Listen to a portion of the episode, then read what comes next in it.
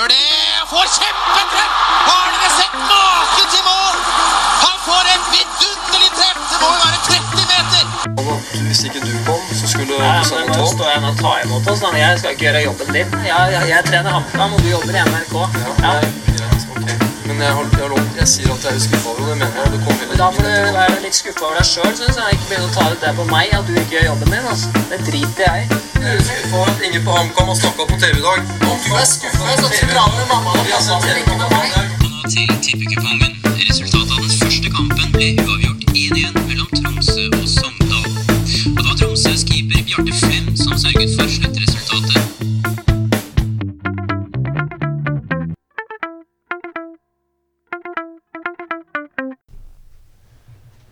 Hjertelig velkommen til episode to av Tribuneprat. Med meg her i studio har jeg nok en gang Christian Ruud Venneråsen. Velkommen. Jo, takk. Godt å være tilbake igjen. Ja, Noe nytt siden sist? Nei, det er jo egentlig ikke det. Uh, ting har gått i seg vante for det, det som er nå, da. Det vanlige tempoet. Uh, jobber i skole, så det er litt lange dager. Mye utetid. Uh, mye vasking av hender. Ja. Så det er det jeg har brukt de siste to ukene på. Så har jeg gått og venta på ny innspilling av uh, Tribuneprat. For det var, var veldig gøy forrige gang. Ja, det var det. Ja. Uh, Vi har også med oss uh, Il Capitano Lars Eilertsen. Jeg har spilt to kamper Lars, for Lørenskog i min karriere, og da var du min kaptein begge gangene. Ja, det er bra. det er bra Da Velkommen. gikk det sikkert bra for deg da. Ja, det vet jeg ikke, men du passa godt på meg, i hvert fall. Ja, det er bra. Jo, takk. Og med deg, noe nytt? Eh, nei, det er ikke så veldig mye nytt. Det er ikke så mye fotball om dagen, så det skjer jo egentlig ikke så veldig mye. Eh, Så det er et trist liv? Det er et trist liv, ja. Det er det selvfølgelig. Nei da. Eh, nå har jo tysk fotball kommet i gang, så jeg har jo sett litt av det. Men det er ikke det samme. Det er ikke det samme. Nei. Det er eh, norsk fotball vi venter på. Ja, absolutt. Og tredjemann i panelet, Raymond eh, Larsen Elsebutangen, med klengenavn Sugar Ray. Eh, som noen har klart å gjøre om til Suger Ray. Ja, den er dårlig. Eh, Den er dårlig, ja. ja. er Velkommen. dårlig. Takk. takk, takk. Nei, deg? Ja, nei, det, Alt bra? alt er bra, altså. Det er jeg også, som Christian og Lars. Jeg gleder meg til fotballens fotballen sparkes i gang. Nå er jo alt eh, på stell. Jeg har jo kommet i gang med kontakttrening både i Eliteserien og Obos-ligaen. Ja. Det er strålende nytt. Ellers så jobber jeg i skolen. Jeg har hatt i motsetning til Christian i korte dager. Men det er også mye håndvask. Handler det om hvilket uh, trinn dere lærer for dette, eller? Ja, altså, jeg er jo barne- og ungdomsarbeider, så jeg har jo stilling i SFO også. Eh, og nå har man jo beslutta at eh, undervisningen enten er ferdig i ett eller halv to, ut fra hvilket trinn man da går på. Så Raymond han klokker ut halv to, og da, da er det fart på. Da Da bærer det rett hjem. det er som en ja. lynrask kantspiller som løper i bakgrunnen og sånn. Så det er viktig, det. Nei, vi må jo ha tid til å forberede oss til Det er nesten så han lurer på hva som venter hjemme. Ja, Vi går ikke dit nå. ikke nå. Nei. Eh, så har vi da meg, Petter Olafsson. Eh, sitter og størkner bort på hjemmekontor på måned tre, er det vel nå? Eh, dette er en fantastisk rekreasjonsmulighet for meg. Jeg får lov til å treffe mennesker, annet enn de tre i min familie. Så podkast, eh, tribuneprat, eh, det setter jeg enormt høyt. Men Vi, vi, eh, Størkner, du, du, du syns vel det er litt ålreit òg, eller? Ja, Jeg blir litt tynnere. Ja. Ja. Tørkevekt, da. Jeg vet ikke. Men uh, i dag så skal vi gå ned et nivå fra forrige gang. Forrige gang så pratet vi jo om Eliteserien, og denne gangen skal vi ta for oss uh, kanskje Norges største kokosliga, Obos-ligaen. Eh, umulig å spå, vil mange si. Ja, og så føler jeg er litt mer på tynn is her enn vi var for eh, to uker siden. Da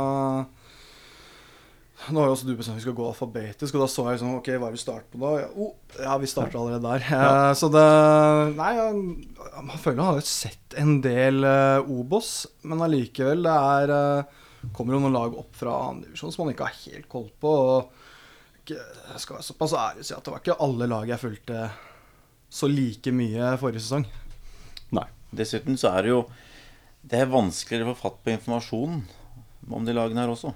Ja, Det- det, det var jo en ting jeg la merke til eh, når nedrykket med mitt Lillestrøm var et faktum. Så var jo jeg ute og sjekket nettsidene til disse andre klubbene, da, og gikk inn på hjemmesiden til Stjørdalsblink. Og hovedsaken til Stjørdalsblink var jo ikke opprykket, det var jo at de hadde dorulldugnad. Og da skjønner jeg at eh, det, dette blir et, et tungt år. Og da er det jo heller ikke lett å skaffe informasjon eh, om eh, transfers eh, inn og ut, og, og litt nytt om klubbene når det er hovedsaken til Kan vi kalle det breddeklubbene i Obos?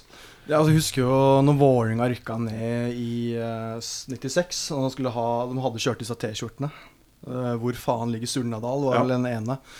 Og jeg tror det var mange som uh, stussa litt på det når de så tabellen, og så Hvor faen er Øygarden? Det, altså, det var en klubb som ikke eksisterte. Det var vel noe, de hadde noe aldersbestemte lag. Har blant annet Ryke i kvartfinalen i Norway Cup mot Øygarden for uh, mange, mange, mange år Du har siden. inside, du. var har altså. inside, ja, ja. Ja, Altså, jeg angrer veldig bittert, for uh, jeg lurer på om det her var uh, smågutt.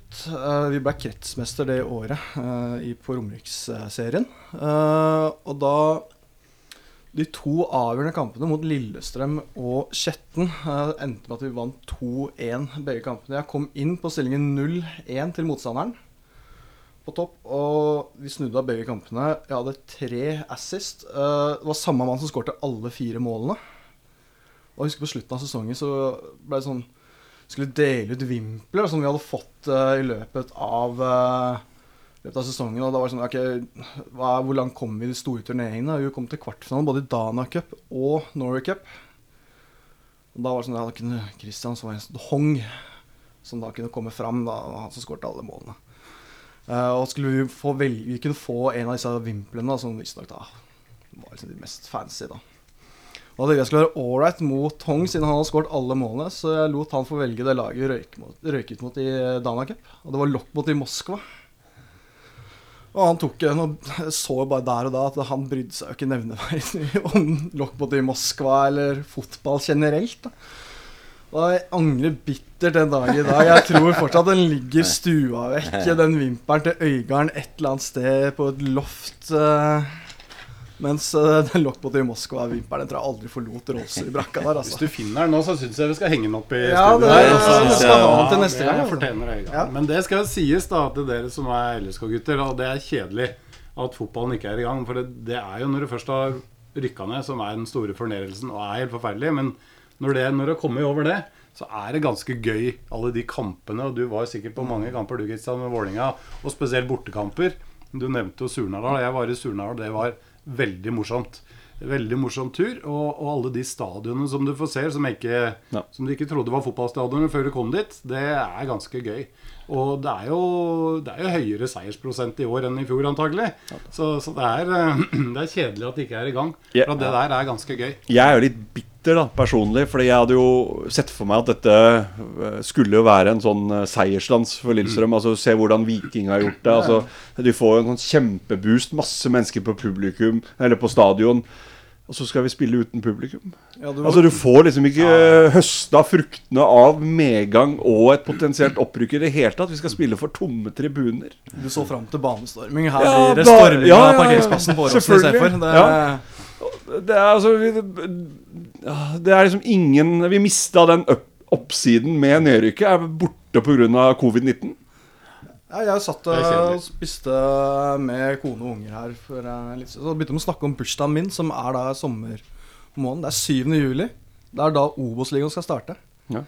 Og da sa jeg til kona at jeg driter i hvem som spiller hvor. Jeg skal dra og se en fotballkamp på bursdagen min. Og begynte å glede meg skikkelig. Og så tok det bare noen få sekunder før det gikk opp for meg at nei, men det er jo stengte tribuner. Der må jeg stå, eventuelt stå på parkeringsplassen og se på. Kanskje de kunne åpne opp for alle bursdagsbarn? Ja, kanskje det. Ja, Eh, at Hvis en Ullkisa har hjemmekamp Ja. eh, den 7. juli, kan- så hadde det vært en fin gave, det, altså. Kan du sette det litt sånn på spissen da, i forhold til tomme tribuner? Eh, fordi Kristiansand dyrepark De får lov til å kjøre Sabeltann-show i sommer med 800 tilskuere til stede.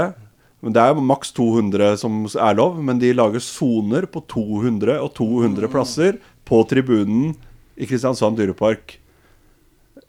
Eh, er det ikke lagd soner på fotballstadioner?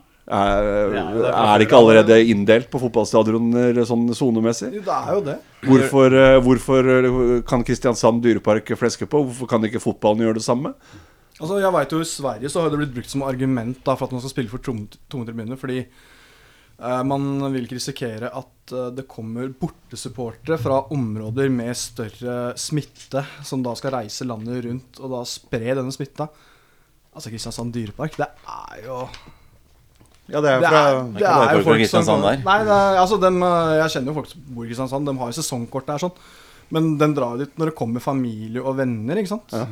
Som er på besøk i Kristiansand. Ja, men da drar vi til Dyreparken, og så er det bilder for dem å ha det sesongkortet og dra Det, ut. men det er jo det som vi er inne på der, med, i forhold til tomme tribuner og hvorfor ikke, så er nok det her med kollektivtransporten det største problemet. Eh, at man kan sette opp en stadion og lage soner og alt mulig sånn, det, det kan man helt sikkert få til. Men jeg tror faktisk det er kollektivtransporten eh, ditt som gjør at, eh, at det holdes litt igjen.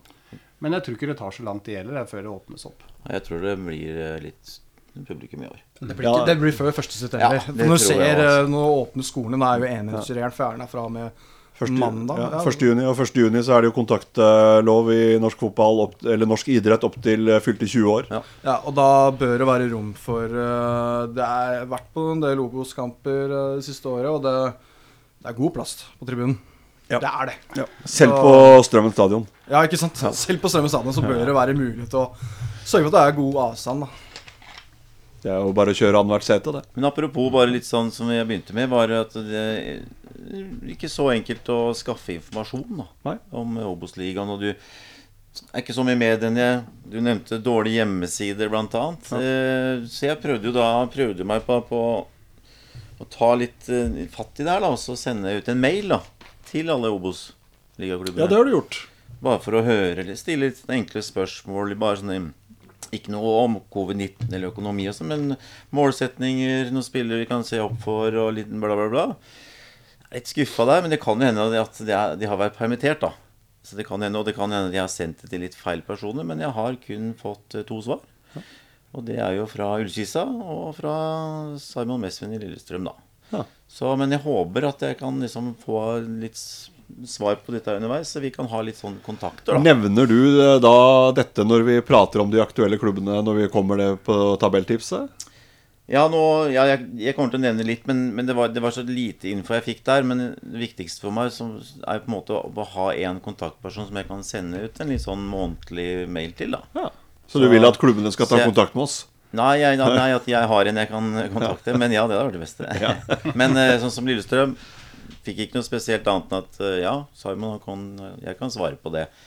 Og i Gylsvisa så fikk jeg bare litt sånn eh, tørre svar om at ja, de, var, de gleda seg til oppstart, på en måte. da Så det var ikke så mye mer enn det, men jeg måtte gjerne kontakte for å få mer. da Så det var hyggelig. Men jeg håper at eh, annet f.eks. Øygarden, Gror og litt andre klarer å Det er litt typisk da når uh, du sender rundt til 16 klubber, og de to som svarer, er de to du egentlig ikke trenger info på.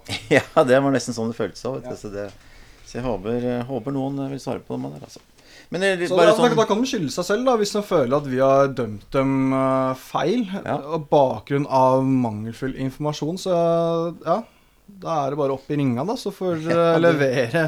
altså. fremover. Men før vi setter i gang litt sånn eh, Obos eh, tabelltips, så, så kan vi bare se litt på sånn statistikk Obos 2019. Ja. Ja, Og der har jo du gjort en uh, liten jobb. liten eh, research der. Så i fjor så var det da 347 665 tilskuere på arenaen rundt i, på Obos-ligaen. Ja, det betyr et gjennomsnitt uh, tilskuersnitt på 1448. Ja. Det var skåret uh, 719 mål.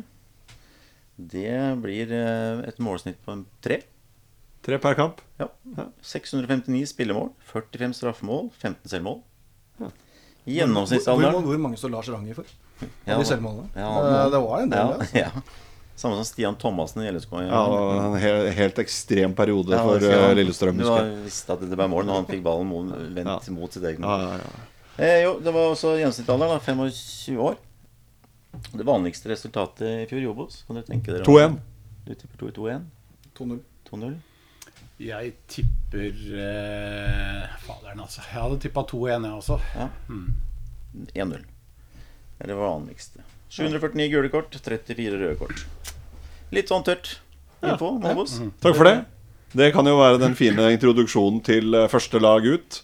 Vi følger alfabetet, og ble, alle sammen blei fryktelig overrasket over at uh, alfabetisk så ligger uh, Så er det en overvekt av lag på nedre halvdel av, av alfabetet. Så vi starter på en G, og vi starter på Grorud. Og vi starter til min venstre. Christian, Mm. hva er dine tanker om Grorud? Ja, som jeg sa, at vi starta jo Vi sa det var på litt sånn vaklende is her, sånn, så er jo Ja, vi starter jo ikke med det laget som man kanskje har best informasjon om. Nyopprykka? Eh, nyopprykka. Jeg har en på 15., altså nest sisteplass. Eh, jeg tror mye av det går på at det er et veldig ungt lag. Eh, de vant sin avdeling foran Åsane, som også gikk opp uh, via kvaliken. Uh, men de scora vesentlig mindre enn de andre lagene som rykka opp. Og de slapp også inn flere mål enn de andre lagene.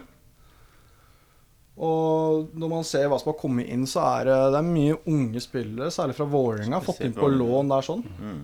Og vi veit også at hvis dem skal forsterke i løpet av sesongen, uh, så har de et beintøft marked dem skal uh, kjempe. For at det er uh, Det er ikke sånn at det er penger i Grorud til å hente spillere fra andre deler av landet. De må hente spillere som befinner seg på Østlandet, eller som har planer om å flytte til Østlandet. Og da skal du plutselig konkurrere mot veldig mange andre klubber på samme nivå for den type signatur. Og det er nok en del klubber som stiller sterkere Uh, med alt av pakke, da. Uh, hva gjelder liksom ja, livssituasjon. Så Ja, ja, det er jeg veldig, veldig helt enig i. Veldig masse unggutter som skal eh, nok kjempe ganske hardt om å holde den plassen der, ja. Og ja, det har kommet inn en god del fra Vålerenga, som de sier, og det er bl.a. Kristos. Mm. -hmm. Mm eh, Som 03-gutt. En 03-gutt, ja. Som har Mm. spilt sammen med guttungen min litt. Grann. Mhm. Lørenskog-gutt, eller? Fjellhamar. Fjellhamar, ja. Mhm. Så han har gått uh, litt gjennom både ja, Lillestrøm og ja, vært innom mange klubber han altså, før han havna der. Så Det blir spennende. Det blir veldig spennende. Eh, En, en litt sånn morsom ting er jo da at på topp der uh, Om han spiller eller ikke bestandig, vet jeg ikke. Men det er han kommer fra Porsch. Han heter Thomas Elsebutangen. Ja. og Det er jo familie av kona, da. Jeg har jo tatt etternavnet til kona. Så det er litt moro. Det var litt sånn eh, Han litt, ble hentet litt, til Vålerenga. eh, Riktig, og det var litt vanskelig å svelge. At han skulle kanskje gjøre suksess i Vålerenga. Så jeg er mye mer komfortabel nå at han har gått til Grorud. Der kan han godt få lov til å gjøre suksess. Men det var det også mange i din, eller i din kones familie som ikke var helt happy for at Ja. eh, en Elsebutangen valgte Vålerenga. Nei, for han burde jo vært dratt til Odd fra Pors Han kommer jo fra Pors, så han burde jo til Odd, men han valgte da Vålerenga, da. Men han slo ikke til der. Han er en rask, rask spiller, da. Han er veldig rask. Ganske høy, er han ikke det? Jo, rask og høy spiller. ja. Så han, han var god i Porsche, altså, men eh, tida i Vålerenga gjorde han ikke For Elsebutangen er jo et kjent uh, fotballnavn, eh, i hvert fall i Telemark. Ja, Ja. det er det. Jeg spilte faktisk med svogeren til Raymond uh, i mine yngre dager, Fredrik. Og Ja, riktig. jeg husker Hans store helt var Erik Holtan. Stuttsjuken. Stuttsjuken. Ja. ja. Uh, glemmer fortsatt ikke hver gang vi passerte Gjemsle stadion, hvis vi var på vei enten til Arvika for å spille turnering, eller vi skulle liksom i de traktene, så dro han alltid den samme liksom strofa. Han hadde vært og sett på Kongsvinger Odd. Da, og Erik Holtan hadde ligget liksom lang og strekket seg og blitt flere meter lang. Da. Det var sånn, samme innlevelsen hver gang. Det var uh, det var gode barndomsminner. Du var litt inne på den alfabetisk også. Det var litt moro med en liten morsom sånn tweet fra, fra Grorud den 16. mai. da. Ja. Det var at uh, hvem, eh, hvem hadde trodd at vi skulle lede Obos-ligaen etter en kamp borte på Åråsen 16. mai? Så det var litt artig tweet å komme der, da. Så det var jo litt kult. Verst av alt at de leder fortsatt. Ja, det er det nå. Snart slutten av mai. Ja. Det er sånn snart sommerferie, og den topper. du. Det er, eh, Så det, den, den 15.-plassen din, er det, det, Ja, ja, det jeg, jeg, jeg, jeg, har tippa de på 13.-plass, jeg, da. Ja. Jeg tipper det fra 13 og ned, så er det Det er litt som bingo. ja. ja. Eh, Jeg var veldig Det er noen lag som jeg føler sånn Jeg lagde jo disse notatene for to uker siden. Ja. Og satte tabelltipset der sånn, og da har det rent inn noen få signeringer siden den gang. Og da har jeg sittet og tenkt at eh, Har du justert? Nei, det var ett lag jeg justerte på, faktisk. Men det var ikke Grorud. Men jeg lurte på om jeg skulle justere på et par andre. Men da tenkte jeg at jeg brukte så lang tid på å lage disse notatene for to Justerer du ett lag, så må du justere alt annet òg. Ja, det er det. Så jeg, så jeg turte ikke å flytte dem for mange plasser. Da For blir det da mye måtte jeg- feil. Ja. Men det blir spennende med Grorud. Det er jo nye stadion og sånn der, er det ikke det også? Jo. Ja. Så det er litt, eh, litt artig, da. Ja, de, og det, det, de satser jo hardt på ungdomsavdeling. Det er veldig mange Blant annet min egen guttunge hører liksom at det, det er blitt litt sånn gjevt på en måte å gå til Grorud nå, for der satser de, og du blir satsa på, på en måte, da. Med unggutter, så De har vel ikke så mye valg, eh, sikkert, da. Nei, men, men eh, da har de fått til noe. Det er kult. Det. Mm. Det Men det er, er det er første gang Grorud er oppe på det nivået her. Men vi hadde jo for en par år siden så hadde jo samarbeidsklubben Groruddalen, mm. som hadde et par sesonger Ja, er eh, sant, opp der. Sånn. Så det, det er godt det kommer eh, flere klubber fra den kanten, syns jeg. Uh, Oslo-fotballen trenger flere klubber som Mm. hever seg. Det var morsomt med Koffa i fjor. og Synd at Skeid gikk ned, men man trenger jo Vålerenga trenger litt konkurranse her. Heller Skeid enn Grorud. Ja, altså, Sånn, eh, sånn, eh, sånn for fotballnostalgiker ja. og romantiker, så er det jo Det klinger jo bedre med Skeid. lettere å ha trua på at Skeid skulle klart seg enn en Grorud. Ja. Eh, men eh, sånn ble det, da. Og det er morsomt. Jeg syns det er morsomt. Jeg synes Det var jo spesielt morsomt, og det er spesielt kjedelig at det har blitt sånn som det har blitt med, med korona. At det ikke det ble 16. mai-kamp eh, mot LSK. For det, når den ble trukket, da tenkte jeg det her er, eh, det er maks moro. Når LSK faktisk skal spille mot Grorud på 16. mai. Den store kampen. Men eh, sånn ble det ikke helt, da. Men, eh, Slapp unna den. ja, ja. jeg har fått harselert litt mer uansett, så det får være greit. Men Lars, jeg, ja, jeg har eh, Grorud et godt stykke nedi der, jeg også. Eh, Jeg har den på 14.-plass. så da fikk vi 13, 14, 15 der, altså. Ja, det gjorde vi. Ja. Så eh, ja, det skal mye til at de ikke havner nede der, dere. Men jeg syns det hadde vært kjempegøy om de hadde klart seg. Ja. ja, men Da kan vi gå videre i alfabetet. Da kommer vi til en H. Og da kommer vi til en av de store i norsk fotball. Eh, Eh, vi kjører faste runder, vi prøver så godt, uh, så slipper vi at det blir kaos. Og det, Christian, du skal få æren av å starte hver gang da, i, i dag. Ja, takk Jo. for det. Nei, HamKam uh, Det var jo et av de lagene hvor det har skjedd en del endringer siden jeg lagde notatene for to uker siden. Eh, og jeg flytta ikke noe på dem. Jeg hadde dem på stedet hvil. eh, og det Det er en tiendeplass. Uh, Gaute Helstrup eh, dro hjemover til Tromsø. Fikk uh, det som må være drømmejobben for hans del. Mm. Uh, og så har man da valgt å kjøre Espen Olsen, min gamle trener, faktisk. Jeg hadde den det var bare en liten periode. Han var hjelpetrener var småguttspiller. Ja. Eh, Jeg har faktisk delt en seng, eller en dobbeltseng, på treningsleir i Raufoss med han. Det var et hotell som hadde bomma fullstendig på bookinga når vi skulle opp på treningsleir og sånt, så det var veldig manko på senger. Eh, og så hadde jeg broren hans som trener på junior også. Ja.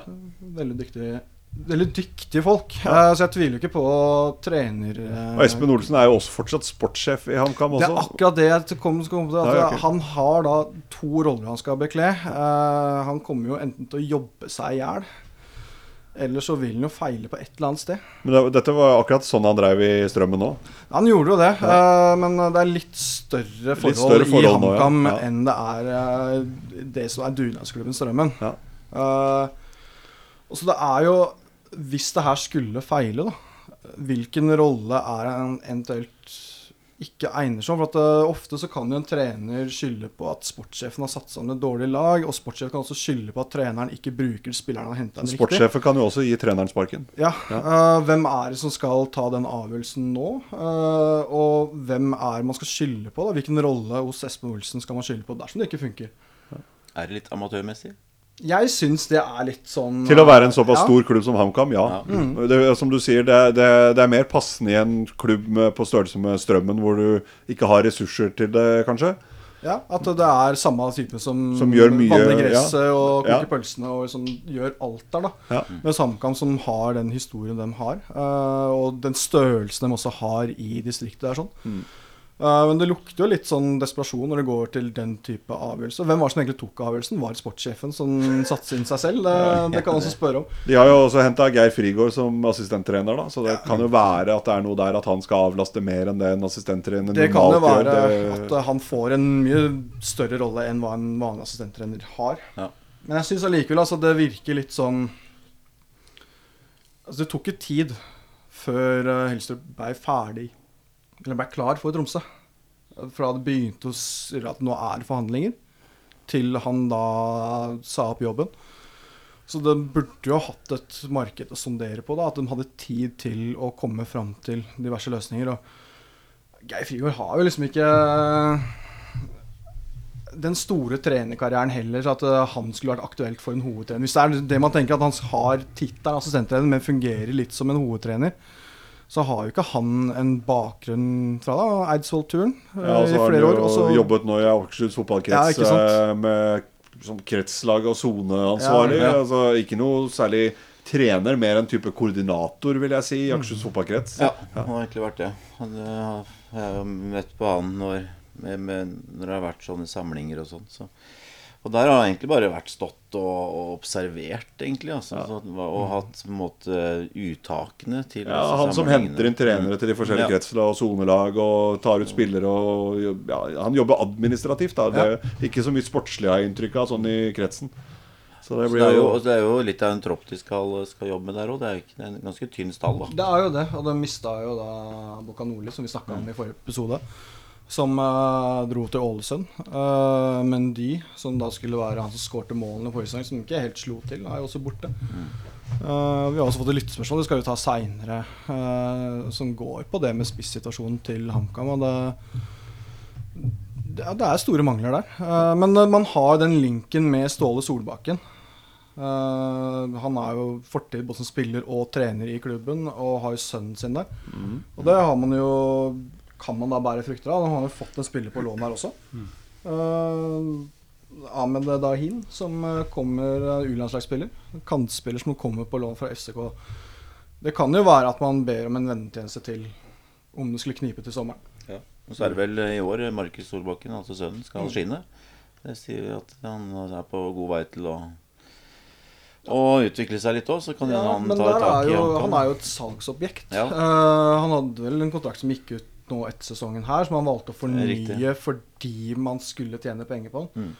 Uh, så det kan jo være at det er en spiller som Det er, det er en ettertrakta spiller, U-landslagsspiller, som fort kommer et godt tilbud Uh, allerede nå i sommer, så tipper jeg HamKam må slå til. Mm. Det er ikke Det er en klubb som har vært nede med brukket rygg her en, en del år også. Det er, en- vi snakker om at det er et stort navn, men det er lenge siden man har prestert. Det er Vi har nok litt bein å stå på i forhold til en del av de andre klubba vi skal gjennom her. Og som vi allerede har vært gjennom med Grorud, så har det nok litt flere bein å stå på. Og er nok litt mer tryggere.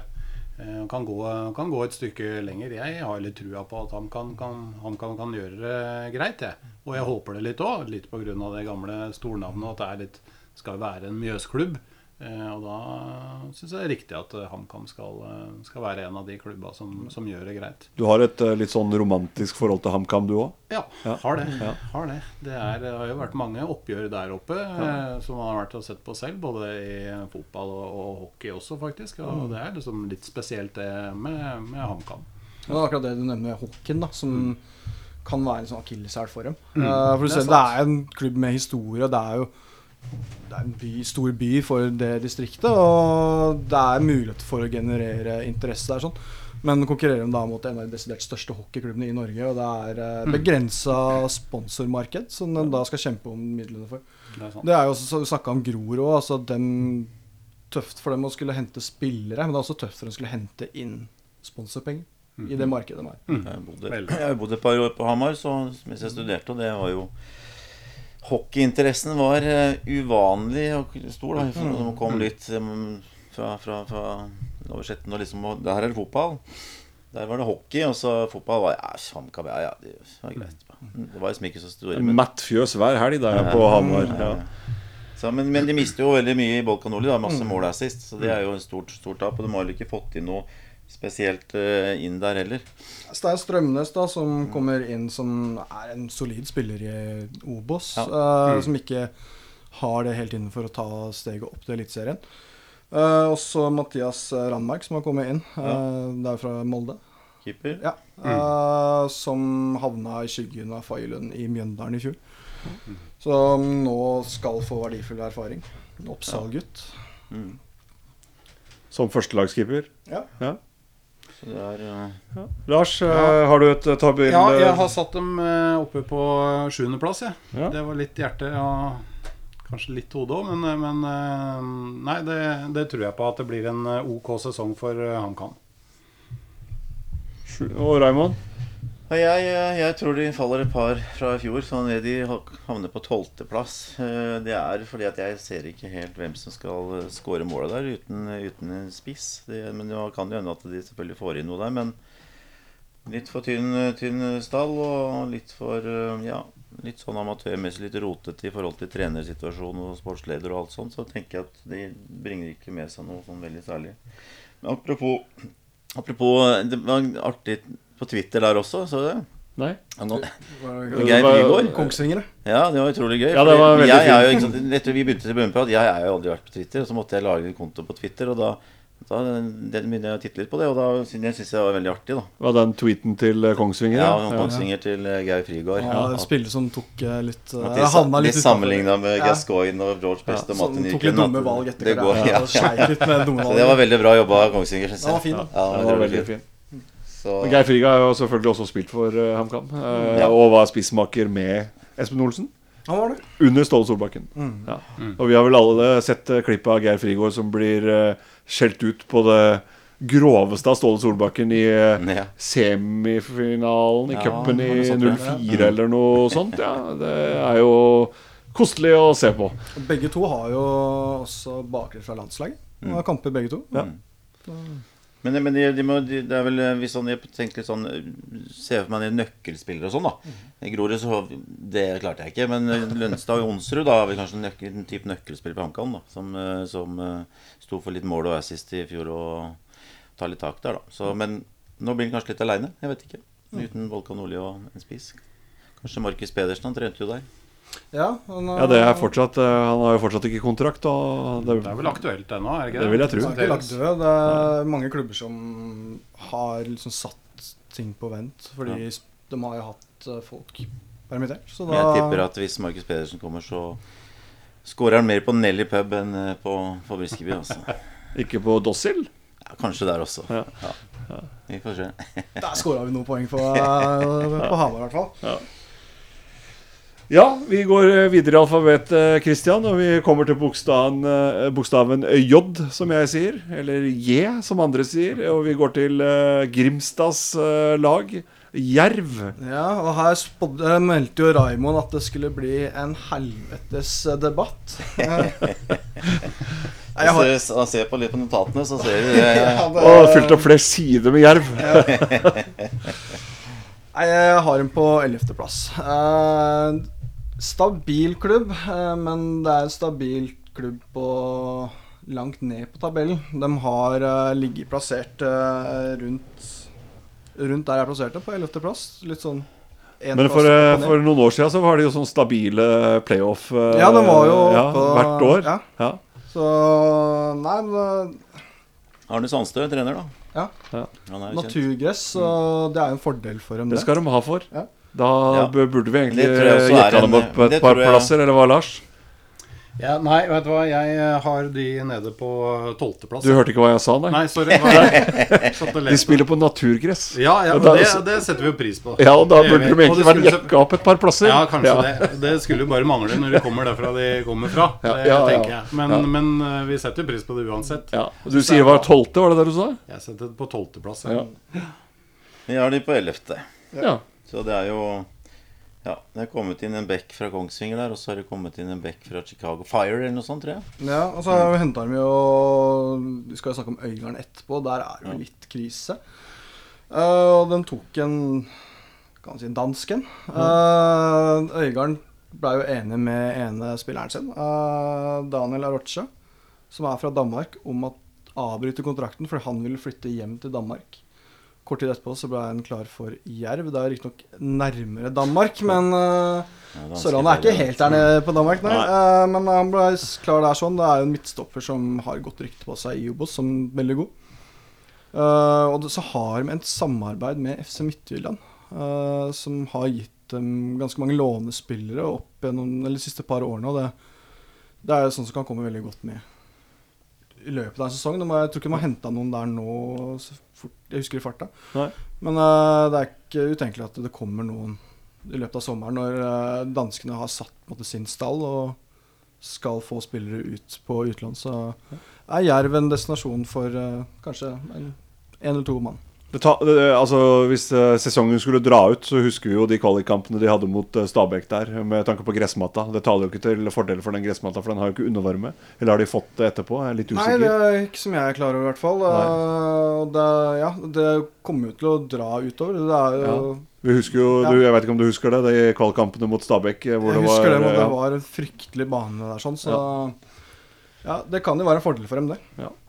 Så går vi tilbake til Oslo-regionen og til Kristelig forening for unge menn, eller KFUM, populært kalt Koffa. Eh, Et eh, positivt innslag i fjorårets eh, Obos. Har Når jeg får hørt meg litt Det er jo ikke rakettforskning det jeg kommer med nå, men det er ikke, Og det er jo at de sannsynligvis, ifølge min kones fetter, da, som jobber med Obos-liga, Amund eh, Lutnes Han er jo kommentator for alle Obos-kampene på Eurosport og alt som er.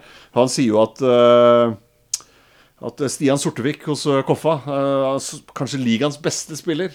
Det er jeg villig til å stemme i, altså. Ja. Han er uh, Jeg er veldig glad, for han har skrevet som nøkkelspiller ja, på ja, han, eh, han er en diamant Det der, sånn. Eh, ja, Koffa, det, dem seiler jo i medvind. En fantastisk god sesong i fjor. Uh, jeg har den dem på femteplass oh, ja, i år. Kvalik. Ja. Ja. Uh. Eh, og nylig så fikk de også godkjent eh, planer for å bygge en ny stadion oppe på Ekeberg. ja. KFM Eh, Familiearena.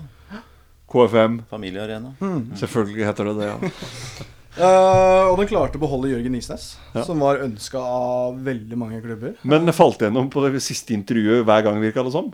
ja, det er liksom et eller annet som eh, holder ned. Og det er merkelig. Jeg var jo i Lørenskog sammen. Ja. Uh, det er verdens hyggeligste type. Det er kanskje det som for- Ja, at eh, Mange tenker at skal du nå toppen i fotball, så må du være et ordentlig rasshøl. Ja. Uh, mens han er bare tvers igjennom god. Uh, sånn så syns jeg det er kult at man hadde suksessen. Da passer han jo inn i KFUM, da. Ja, han gjør jo det. Familieverdier og alt. Ja. Veldig ekstremt fotballinteressert, fotballdyktig uh, spiller. Jeg har opplevd den aldri som trener i klubben, men uh, de spilte en veldig god fotball uh, forrige sesong, Koffa. Og det, det er litt klar og tydelig plan på hva de vil. Og selv om de mista nøkkelspillere Moses Mava forsvant uh, i løpet av sesongen. Older, er borte Ja, ja. Jo, så de, de gjør en god jobb med spillelogistikken der sånn, og det jeg har fått høre er jo at uh, Alaji Sanyang, som har kommet fra Moss, er en veldig spennende spiller. Uh, som det jeg har hørt, at han kunne fort vært aktuell på et høyere nivå også. Uh, så det blir spennende å se om de klarer å levere. Og så som vi snakket, altså Old, eh, Olden Larsen, som forsvant til Mjøndalen, uh, hadde jo en veldig god start på sesongen. Ja. Han dabba litt av etter hvert. Men eh, Stian Sortevik var eh, knallgod gjennom hele sesongen. Og jeg forventer og tror at han også klarer det i år. Han var uh, assist-kongen han i Obos. i Ja, fjor. han var det. 13 assist. Oi, ja, se der. Men eh, Robin Rask også. Ja. Der, kom på høstsesongen etter at Olden Larsen på en måte Mm. var ut, så, så hadde han eh, fire mål og åtte assist på, på enden slutt av sesongen. Så hvis de to får til samspill òg, så Og som du sier, eh, Isnes den fortsetter jo som i fjor. Mm. Så det er jo ikke noe Og de har jo ikke mista noen andre nevneverdige enn de vi har nevnt. Så det. Jeg har også tippa dem på femte, da. Jeg tror Ja. også de klarer kvalik, Også. Så Du har Lars. Ja, jo, jeg har, eh, jeg har eh, satt den på sjetteplass. Eh, og det er jo et par hakk ned fra i fjor, men jeg mener jo at det er, det er høvelig bra plassering for et lag som KFM der. Mm. veldig imponert over hva de drev med i fjor. Overpresterte kanskje lite grann, jeg veit ikke, vi får se. Men, men eh, hvis de klarer kvalik ett år til, så er jeg veldig imponert over det også. Det er sterkt. Kommer langt i cupen nå. Tapt mot Odd. Ja. Så er jo han Samme hvilken eh, første trener som må gå fra Eliteserien, så er vel kanskje Isnes uh, aktuell. ja. Ja, så, så det kan jo være noe som kan felle det litt òg, spesielt hvis de får en god start. Og så eh, er det et lag som trenger en ny trener, og da er han aktuell. Liten uh, kjapp quiz inn her. Vet dere hva supporterklakken til KFUM heter? Så det var evan... evangelistene. Profetene. Profetene, ja, ja, det var det. Det var noe sånt noe. De er leie av møtet. Altså. Ja, de er lei quiz, meg. så har jeg en quiz etterpå. Ja. Ja, så dere får bare si fra når dere vil ha Heng med. Vi tar den, eh, tar den etterpå, ja. Ja. Vi går videre til neste bokstav og neste lag, og vi Eller ikke til neste bokstav, vi er på samme bokstav. Eh, Kongsvinger, også et eh, godt eh, norsk eh, fotballnavn, eh, men eh, stor og sterk, eh, lang historie i norsk toppfotball. Ja. Christian, Ja. du har allerede nevnt Kongsvinger og Ja. Jenslund. Ja. Jeg har det. Uh, Stuttsyken som gjorde seg stor. Ja. Jeg har en på andreplass. Oi. Oi. Uh, ja. eh, den blei nummer fem i fjor. Uh, og fått inn en veldig dyktig trener. Uh, Mika Lekhoso. Uh, beklager hvis jeg ikke er helt rå på den finske uttalen, eh, men eh, Ingen, her, ingen her som skal arrestere deg på det. Mikkel vil jeg sier. du er bedre der, ja. Uh, han har jo den råeste CV-en uh, i Obos-ligaen. Uh, fortid som spiller på det finske landslaget og Serie A med Perugia på 90-tallet. Eh, trent HJK Helsinki og tatt eh, flere seriemesterskap Og fikk dem også inn i gruppespillet i Europaligaen. Hva gjør han i Kongsvinger? Ja, det, men Kongsvinger er, har hatt uh, de siste årene Det er vel Espen Nystuen som er eh, daglig leder og sportssjef der. sånn. Eh, han har, må jo ha et enormt kontaktnett, for du ser hvilke spillere de har henta inn i sånn løpet av de årene. Altså det, de har en keeper her nå, altså Ali Hamada, som er vel fortsatt bare en 26-27. Har vel over 100 kamper i league A. eh, og fra tyrkiske superligaen har også spilt et par sesonger. Og så plutselig er han i Kongsvinger. Ja, Da kommer jeg med samme spørsmål igjen. Hva gjør Ja. han i Kongsvinger? Så da, Espen Nilsen må jo ha noe, et sinnssykt godt eh, kontaktnett. Eh, Fryktelig flink til å prate for seg. ja, for det, var jo, det gikk jo også rykter at det var Sami Hyppie som da skulle være den som tok Ja, over. Ja, det stemmer, det. Ja. Eh, det er jo Det er kanskje navnet større enn trenergjerninga. Han har jo ikke hatt noen suksess noen steder han har vært. Uh, og Likevel så drar de opp en annen finne. Ikke noe samme imponerende spille-CV-en, men trener-CV-en hans er eh, Den er kruttsterk. Uh, Det er er vel ikke så mange finner som har spilt i Serie A?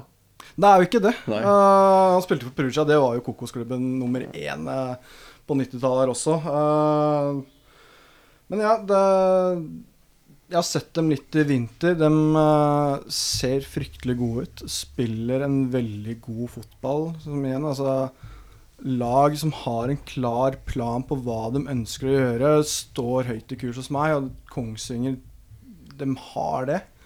Eh, og så har man også Adam Gyven. Fantastisk eh, målskårer over mange år. Ja. Evig ung, eh, virker det som. Ja, altså Han leverer alltid i Obos-ligaen. Han kommer til å nå tosifra mål i år også. Eh, de har en Ville Jallasto, som også har fortid fra HJK. Finske landslaget. Også vært i Ålesund, Stabæk. Mm. Uh, Harald Holter. Hvis jeg kan si han Sortevik er Harald Holter er liksom Han er oppe og lukter litt på Sortevik når det kommer til kvaliteten. Der, sånn. altså, det, er, det er mange gode sentrale midtbanespillere i Obos. Ja. Kloke fotballspillere. Uh, og Harald Holter er absolutt en av dem. Ja, så har vi fått inn Grodås og Gjerstrøm også. To Ja. backer. Det er jo gode signeringer. Gjerstrøm han husker jeg kom litt inn på godset og tok litt plassen til han um, Wilsvik en periode der. Og så mens det gikk litt nedover, men han har kanskje startet på nytt nå i Kongsvinger. Og Grodås er jo en stabil uh, Ja, er ja, det. Obos-spiller. Ja, Ja. så det, er, det ser, ser bra ut, de, altså. Og som dere sa, Given har jo fire år på rad uh, skåret tosifra. 16 og 11 og 15 og 10 mål. Så det er sterkt. Han er, er de avhengig av det? Er det liksom, ja, du legger jo merke til han hvert eneste år. At du, Han blir jo aldri borte, men det må han jo bli. Eh, Hvor gammel er han? Han er vel en 33-34, Ja, ja, tror jeg. Så skal han spille mer eliteseriefotball, så er det i år det må skje. Og ja, jeg har jo troa på at det er i år det skjer. Ja, Alltid altså, lurt på hvorfor ingen har plukka han opp tidligere, egentlig. For det er liksom, han kommer igjen og igjen og igjen. Men det er jo kanskje det at han hører hjemme på det nivået. Jeg vet ikke, men eh, ja. Ja, han var jo Odd, så han fikk, og så gikk han til Tyrkia. Og så etter det så er det ingen som har plukket sett på ham. Men, men de mister jo litt han der eh, som er i Haugesund, da, Ibrahim Shuaibi. Ja. Så de mister litt mål. Der var du ikke så sterk på uttalen. Der var jeg ikke så god. det er kanskje dere andre kan Men vi veit jo at han leverer jo alltid i Kongsvinger. Eh, så kan ikke, skal ikke se bort fra at han kanskje, ut ønsker seg igjen. dit igjen. da, Ja, tilbake. det det, Eh, altså. så vi snakka om det i forrige episode, at Haugesund har jo fått en del folk på topp der. sånn. Mm. Eh, han stiller nok litt bak i køen. Ja, det er sant. Det er sånn. Men det er som du sa, det er mye rutine i laget bak også. Med Skagestad også, som har hatt fortid i Ålesund. Så eh, ja, jeg tipper dem på en sjetteplass, da. Men en annen litt artig ting der også, er at bestemannspremien i, Kongsvinger er jo da å få lov til å kjøre rundt i en Nissan Leaf.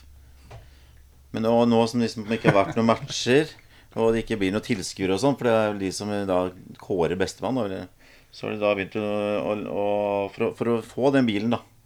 Spillere, altså. Ja. Altså en, en Ja, de låner den så har, en de, ja, uke. så har de da begynt å lage litt sånn videoer. Da, sånn som Forrige uke var det beste på kjøkkenet, så ble det kåra en vinner. Og i, denne uka her så var det beste fitnessinstruksjonsvideo og sånn. også. Ja. Så får de låne bil, da, vet du. Så det er litt artig. Kongsvinger er eh, en av mine virkelig store favoritter under barndommen. Hainok Noktran. Var jo stor for Kongsvinger. Det Han bor jo fortsatt på Kongsvinger. Ja, og driver Shark ja. Bar. Det var, eh, det var uh, sengekameraten til Peter Wernie på U19-landslaget, vet du. Ja. Mm. Og du Lars, har du tippa dem høyt, eller? Nei, jeg er ikke så veldig høyt. Jeg har dem på åttendeplass. Oi, utafor Kallik òg. Ja, utenfor Her er vi uenige, ja. Jeg Ja, trodde, vi er- trodde uenigheten skulle komme om Jerv, men det er Kongsvinger vi Ja, det er kommer, altså. store greiene. Og jeg skal ikke prøve å argumentere etter å ha hørt Christian her. Jeg burde kanskje bare satt dem høyere, men nå har jeg en gang satt dem på åttende, så da må jeg nesten stå for det. Eh, Så eh, ja, det blir spennende, da. Det blir spennende. Ja, bare som opplysning, da. Når, vi, øh, når, du, når du flagga uenighet om Jerv, så ble tipsene 11-12-11. Ja. bare så det er sagt om Jerv. Så der vi var øh, fryktelig Ja. enige der. Ja. Du bomma grovt der. Ja, jeg gjør det. Ja. På Jeg er mer spent nå, for nå kommer vi til bokstaven L. Lillestrøm øh, sportsklubb, Christian. Mhm. For første gang Opplevde et nedrykk for første gang siden 1966. På nest, niv øh, nest øverste nivå i norsk fotball siden 1974. Rykka ned på kanskje den aller verste måten en klubb kan gjøre det på, etter å lede 4-0 øh, med et kvarter igjen å spille Så vi skal prate om det nå, altså. Ja, det, la oss gjøre det. Kristian, vær så god. Nei, altså Når de først rykka ned, eh, så sa jeg vel eh, i en eller annen sammenheng at eh, jeg spådde en i, veldig jevn og åpen uh, Obos-liga. Eh, etter hvert som det drøyer seg eller nærmer seg mot avspark, så ser jeg én klar favoritt, og det er Lillestrøm. Eh, de andre lagene som rykka ned med dem, er jo ikke forsterka i det hele tatt. Eh, Lillestrøm har ikke mista så veldig mye. Eh, det er spørsmålstegn på keeperplassen, da. Eh, ellers så er De har fått liksom beholdt det som er. Fikk tidlig inn en ny trener. Ikke at det, det er en trener jeg Du flagga vel i forrige ja, episode at du ikke var så er glad i ikke min favorittrener. Jeg synes ikke det er, den, det er ikke en festfotball han eh, kommer bringende med. Men eh, det er jo liksom en historikk med å spille en eh, drepende, forferdelig fotball som Hva var det de sa i Sverige når Arne Erlandsen ble ansatt i IFK? At ja, ja, det skåres ikke 50 meter over bakken, så da det er det som er taktikken. Eh, nei, men de har liksom beholdt liksom Dere trenger har fått inn en eh, finne, Kan Karanin. Mm. Ja, uh, som er en lovende spiller. Uh, vært innom vel fortsatt bare en 20 år eller noe. Erstatter for Daniel Pedersen som gikk til Brann. Uh, Ja. ja. Eh, vært innom det s- finske landslaget allerede og kunne fort vært aktuell for EM hadde det vært spilt nå i sommer. Og, Det var grunnen til at han valgte LSK også, for å få spilletid for å komme Ja. inn i EM. Så veldig god venstrefot. mm. Thomas Lene Olsen klarte de å beholde. Eh, Resignerte til og med. Ja, ikke sant? Tobias Imponerende. Alquist og Sheriff Sinjan. Det er Sheriff Sinjan det er faktisk en stopper som jeg syns er fryktelig god. Som ikke får den anerkjennelsen han fortjener. Uh, få ballspillende midtstoppere som er bedre enn han i Norge, i hvert fall.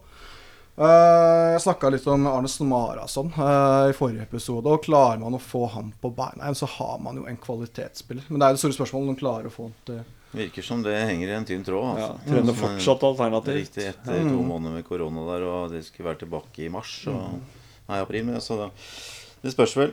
Ja, Og så er det Kristoffer Ødegårdsbakken. Ødemarksbakken. Ja, ikke sant? Uh, som borti er der. borti svingen her, ja. Som uh, er dette Får han gjennombruddet sitt nå? Er det for at det, sånn, Man leser om ham hvert år. Uh, det har ikke stått på spilletid, men han har, liksom ikke, han har jo mye fine ferdigheter. Nå har han jo blitt vegetarianer. Ja, Kanskje det er det som gjør det. Uh, han sier jo selv at han er i en livsform. Det er jo alle fotballspillere før mm. starter sesongen. Men uh, Han er et treningsprodukt også, så Ja. han er nok i god form når han sier det. tenker jeg. Og, men ja, er det nå det virkelig skal blomstre for han? Mm. Eh, hvor han setter liksom sitt avtrykk på Lillestrøm for alvor. Det, Mm. Ja, skal det være noe, så er det kanskje at troppen er litt tynn. Det er det jo. Hvordan var det sammenligne det? Jeg var ikke det, for det er jeg veldig Ja. uenig i. For den er jo, Der er jo første gang kanskje Lillestrøm har en fordel, tenker jeg jo, da, i Obos-ligaen. At den er ikke så tynn som veldig mange andre klubber. altså, den, de har jo ikke henta så mye inn, og det var jo ikke akkurat Men de har fått tilbake Ranger, og så Ja, Men han er jo langtidsskada. Nei, han er han er klar. Ah, han er Det var, da, ja, han var langtidsskada hvis Ja, sesongen ikke sant? Ja. Ja. Så han er klar til, han tipper at han blir klar til eh, over, rett og, nå rundt sommeren. Ja. Ja. Og så henter de inn ja, Karin og så Mm. Kallevåg nå, da. Kallevåg fra Haugesund. Ja. Mm. Og så mister de jo Ifeanyi Matthew. Så, ja, Ja, så sannsynlig. de, ja. Uh, men Lene Olsen, det merka når han forsvant forrige sesong, at det var jo ikke noe Nei, uh, bakhånd der sånn. det er Moses uh, der òg, da. Ja, men, uh, ja, ikke sant. Det har vært litt sånn god i vinter, men det var fortsatt åpent om det skulle Ja, man visste jo ikke om man skulle beholde den eller ikke. Nei. Uh, det kunne fort vært at hvis ikke denne pandemien hadde stoppa alt sammen, at de kanskje faktisk hadde lånt den ut også. Men de har også en veldig spennende spiss i eh, Sandnes, vet du, bak der. Ja, Vegard Sandnes. Alex Alexander Alexander Sandnes. Men eh, så har du også han Men nå rant det vel ut i sanden, eh, han eh, Maurits. Ja, Sindre Maurits Hansen, ja. Ja. Mm. Det kan hende det kommer noe der, og det vet vi Ja. ikke, men Han kommer i hvert fall senere i programmet. Det har jeg Ja, i mine det er notater. så- Men det er jo, skal jo sies at hvis ikke LSK rykker rett opp, og hvis ikke vinner ligaen i år, er, det er jo en katastrofe. Det, det er en soleklar eh, favoritt. Så det, og, og det er klart, det, det kan man alltid si at det er jo noe som taler mot de. At det, er jo laget alle skal slå. Sånn vil det være. Og det er alltid litt vanskelig. Ja. Og så er det det her med at det blir en spesiell sesong i år. Ehm, det, det er vanskelig å si om ja, men hvordan slår det ut på de forskjellige lagene. Men det vil alltid være når det er en endring, så vil det alltid slå dårligst ut på de beste lagene. For det, man, man, ja, jeg, jeg tror det, selv om du kan si at stallen er brei eller ikke, eller sånt, men det er en spesiell sesong. Det skal spilles eh, tette kamper, det skal gjøres på, på andre måter. Ehm, Det skulle jo være en ut, i utgangspunktet en fordel for Lillestrøm å spille for noen tusen tilskuere på Åråsen og ha den hjelpa. Det Å få- skulle- mens uh, Øygarden, Stjørdalsblink og blir ikke store endringer for dem. Så, så de, eh, de, alle de annerledes tingene vil alltid slå ut eh, mest og mest negativt på de beste lagene, tror jeg. Eh, men, men ikke nok til at, at de skal vippes av pinnen. De skal vinne den ligaen, og ja, hvis vi sitter her på slutten og at de ikke har vunnet, da blir det blir det, da blir det, blir det tunge da blir det det Da blir det en jævlig tung vinter. Ja. Da blir det én sending med bare dyster musikk, tror jeg. Ja. Men jeg tror jeg, som vet jeg, ikke, så, ja, ja, i hvert fall halve programmet, da. Ja. Og så for å ta den, da, resten med happy music, da er det greit, det, Lars. Men, men det som er de, altså, de, Har du også tippa de på førsteplass? Ja, definitivt. Og det, de skal, Er det hjertet der? Nei, det, det har jeg prøvd å se ikke bare med hjertet nå. For, men, men etter hvert som man har gravd og, og, og titta litt på Obos, da, så har jeg på en måte bare blitt tryggere og tryggere på at Lillestrøm har faktisk en, en, en eh, ganske mye bedre stall da, enn enn alle andre lagene der. Så det er, som du sier, katastrofe hvis de faktisk ikke bare vinner. De skal vinne den her. Ja, det holder ikke med annenplass, eller vi går opp via kvalik. Du skal vinne ligaen. De skal vinne. Så, så er jeg, jeg Med alle de ressursene. ja. Ja, jeg syns det er spennende med Geir Myhre og, og Nei, Geir Myhre. Og Petter Bakke. Så, men, men jeg tenkte liksom på en ting da som jeg savna litt, da, som jeg håper jeg får nå. Da tenkte jeg på en sak som jeg har tenkt på lenge. Det er én ting jeg savna veldig under korona. Og det er brødskjæremaskinen på butikkene. Og, og hvorfor Så tenkte jeg litt på det her om dagen. Og, da, og det er litt sånn som det har vært, vært hjemme i huset nå. Det er at eh, Jeg har to sønner på 17 og 19, og de, de kan jo ikke skjære brød. Så liksom, det er i alle mulige vinkler. Det er helt forferdelig. Så jeg jeg liksom mista litt lysta på brød, nesten. Eh, Og jeg vet ikke hva som eh, venter meg da når jeg åpner brødposen. Det er tungt. Det er veldig tungt. Men det jeg tenker, det er litt sånn det har vært på Åråsen de siste ti åra. Du vet ikke hva som har venta deg. Du, plutselig skal vi være defensive og hjemmebane mot Viking, ikke sant? Ja. Men jeg håper nå, da, med at brødmaskinen har kommet igjen i butikkene, så nå får du ferdig nydelige skiver. Du vet hva som kommer. Det er det jeg håper med, med, Petter Myhre og Geir Bakke. da At vi kan, som supporter av den klubben, vi, da, Petter, du og jeg At vi liksom vet, når vi går på Åråsen, ikke i år da med tomme tribuner, men at vi vet at sånn spiller Lillestrøm. vi skal styre kampene uansett. Obos forhåpentligvis skal ha eliteserie neste år. At de får litt mer orden på ting, da. Fordi at de har holdt på med disse prosjektene som du er så glad i, Petter. Ja. At, eh, og med Lennartson og med Kristinsson og alle, så har du, du, du har liksom ikke visst hva som kom, da. Og det har vært en svakhet med Lillestrøm i de siste ti åra. De Jeg tror ikke spillere sjøl har helt vært klar over spillestilen og sånne ting. Og så traff de én gang, og det var bort mot Vålerenga. Så fantastisk òg. Men det var et unntak, og det er ikke sånn man skal ha det i en stor klubb som Lillestrøm. da Så Altså, men Man fikk jo ikke muligheten til å bygge noe på den uh, derbyseieren heller. For da møtte jo Viking i runden etter, og Sinjan Sharif knoter det til etter bare noen få minutter og blir utvist. Og man fortsatt Feilaktig. Feilaktig. Ja, ja, altså, det er ingen, ing- nota det til der, altså. er ingen som er i tvil om at den var feilaktig. men altså Alle må være enige. At Så så det da at det første tanken hennes var at shit, den er rød. Ja. Eh, men så ser du etter at ja, det var jo feil. Ja. Helt klart. Men uh, så der er jo Det var et skudd i baugen for alle som var imot VAR, akkurat den uh, situasjonen der. sånn, Men uh, så den fikk ikke mulighet til å bygge på den fantastiske gode kampen man ja. hadde mot Vålerenga. Ja, og det kan jo ha gjort mye skade på sesongen for dem, det. Men jeg tror også en sånn type som Daniel Gustavsson kommer til å, å passe bedre inn i spillestilen her nå da, enn han gjorde under Lennartsen også. Så, og vi, og, ja, jeg tror bare at uh, uten at jeg på en måte skal formidle at jeg holder med LSK, så tror jeg det er sånn Uten de øynene og hjerter og alt, så Lillesund skal jo vinne det. Så det er førsteplass. Så, så Lene Olsen han er god for 20 pluss i den ligaen der. Det Burde være det. Så han er en toppskårer i år. Jeg skal jo eh, Hvis de ikke klarer det, hvis de ikke klarer å rykke opp, så må jeg jo det, det er jo noe i meg som kommer til å synes at det er litt festlig. Eh, Jeg holder målinga, så jeg må innrømme det. Men, men så er det også det at det, fy faderen eh, Når den jobben er gjort man liksom fått eller skal ha fått sitt nedrykk, som, som man har venta på så lenge, Oh, yeah. så tenker jeg at nå vil vi ha tilbake de derbyene. Eh, vi kan miste det et år, men så vil vi ha det tilbake, for det er ganske viktig. Ikke bare for Lillestrøm og Vålerenga, men for norsk fotball så er det viktig å ha de derbyene der. Og det er det kuleste derby i, i, i mine øyne, i hvert fall. Ja. Eh, så, og, og i mange andres også, så det, det må vi ha tilbake. Så sånn sett så eh, får vi nesten håpe at de kommer opp igjen, Også. Takk, Lars. Jeg vet det sitter langt inne, men eh, langt jeg takker på vegne av eh, alle i Fugla-familien. Eh, Ja. Vi eh, kan jo gå videre til eh, bokstaven R. Og da Hvis jeg ikke har tatt helt feil? Nei, det har jeg ikke. Nei. Og til et annet eh, nedrykkslag fra Eliteserien. eh, Ranheim. Ja. Ja, skal, skal vi prøve Skal vi snu på det? Ja, vi skal- gjør det, Ja, vi gjør det. Ja. Eh, jeg har lovt Lars at han ikke skal begynne. Men Raymond, du skal få lov til å begynne. Ja, nei, Ranheim eh, Som sagt, som du sa, hun rykka jo ned. De har jo vært oppe et par sesonger.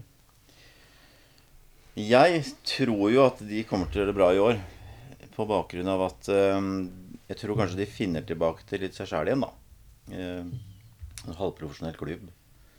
Har mista noen, noen spillere, fått inn noen. Eh, men de har, eh, de har en, en, en bra stamme der, da. Eh, Keeper Even Barli er jo knallgod. Han var en av Eliteseriens beste. Og så har du Mats Reginiussen og Valla Dønnem på midten der, som fortsatt er der. Eh, Og så har jo da, hvis han Michael Carlsen Tunge, tunge Er det lov til å si og stille spørsmålstegn at, eh, at en spiller som Mikke Carlsen lever av å spille fotball? Han burde i hvert fall ha, burde ha litt større shorts. Ser mer proff ut da. Kanskje ha største. Ja. Pascal Simpson-størrelsen, altså. Så har vi jo Svein, ja, Svein Valen også som trener da, ikke sant? Og, så jeg, jeg, tror, jeg tror kanskje at de finner litt tilbake igjen ja, til, til den, den fotballen de, de, klarte å prestere i hvert fall første året i Eliteserien, hvor de overraska veldig på første halvdel der. At de finner tilbake til røttene tror jeg kanskje det var bra for de også, eh, å, å rykke ned. Men, også, men jeg tror også Ranheim aldri kommer å Det blir jo ikke stabilt eliteserielag uansett, men det kanskje det blir litt sånn nye Sogndal. Da, litt opp og ned, litt opp og ned. Eh, de har jo mista Ola Solbakken og, og Fosnæs på bekken til Bodø-Glimt. Og så Furu, midtstopper, til Kristiansund. Så det er jo litt svekka. Fått inn Stamnestrø. Magnus Stamnestrø. Og Bakenga er jo også borte. Ja, han er, også borte. Stemmer det. Så Men hvis eh, også Tønne, Eirik Tønnås, hvis han får til sin 2018-sesong, så er også han en ekstremt viktig spiller der, da. Men jeg tror liksom at Ranheim ja, De har Obos-nivå inne og sånne ting, og derfor tror jeg de rykker opp sammen med Lillestrøm. Da. Um, Så har de jo verdens morsomste Du er på annenplass på Ranheim. Ja, det er det, vet du. Så har de jo han Terje Walter, vet du. Han eh, spikeren der oppe. Som er, har, da innehar eh, Innehar eh, Ja, hva skal man kalle det? Pris? pris for eh, den eh, dårligste supportersangen noen gang. Det er godt gjort. Ja, den, ja. Mm. ja. Den var jo viden kjent eh, lenge før de i det hele tatt kom opp i, på nivå to. Ja. Og, og tenk på 1953 så tapte de semifinalen i cupen mot Lillestrøm. Fra 10 000 på Lerkendal. På Lerkendal, ja. Mm. Fun fact der, altså. Fun fact. Lars Eilertsen. Jo, eh, jeg har satt eh, Ranheim på fjerdeplass, Ja. så det er kvalik. Eh, og det tror jeg ikke er så gærent. Eh, enig med, med, med Raymond at de sikkert kan, kan komme litt tilbake til, til røttene og få til det. Eh, men det er en tung greie. Det er et lite lag som rykker ned. Og ja, det, jeg tror det blir en tøff sesong. Men uh, har de kvalik, så er det jo mulig. Og det er ikke gærent, det. De er en bra trener i Hva han heter igjen? Så en halv. Ja. Uh, så uh, Ja. Nei, jeg tror, uh, tror de klarer kvaliken. Ja. Og det må være bra. Ikke permittert spiller under korona eller for øvrig i Ranheim. Nei, men Nei. man får ikke lov til å ta alle tilbake i treningen også. Ja. Det var noen spillere som uh, ikke kunne ha tilbake. Ja. Nei, men Det er jo semiprofesjonell fotballklubb uh, som man sitter på og føler at man har kanskje levd litt Eller slått litt over sin egen kroppsvekt. Uh, eller i noen sesonger nå, når de rykka opp. da, Det var en klubb som leverte stabilt gode resultater i Obos i lang tid, uh, før de da tok opp. Og de klarte å holde seg der oppe. og det ja, altså, jeg føler man overpresterte litt. Jeg tenker jo at det er jo Det er en Obos-klubb. Eh, det er en god Obos-klubb, så jeg har den på sjetteplass. Um, og så sier jeg at det er Svein Malen, en dyktig trener. Og så en av de få faste ansatte fotballtrenerne i Norge. Eh, så de har, han går ikke på kontraktslengde. Så de kan heller ikke sparke pga.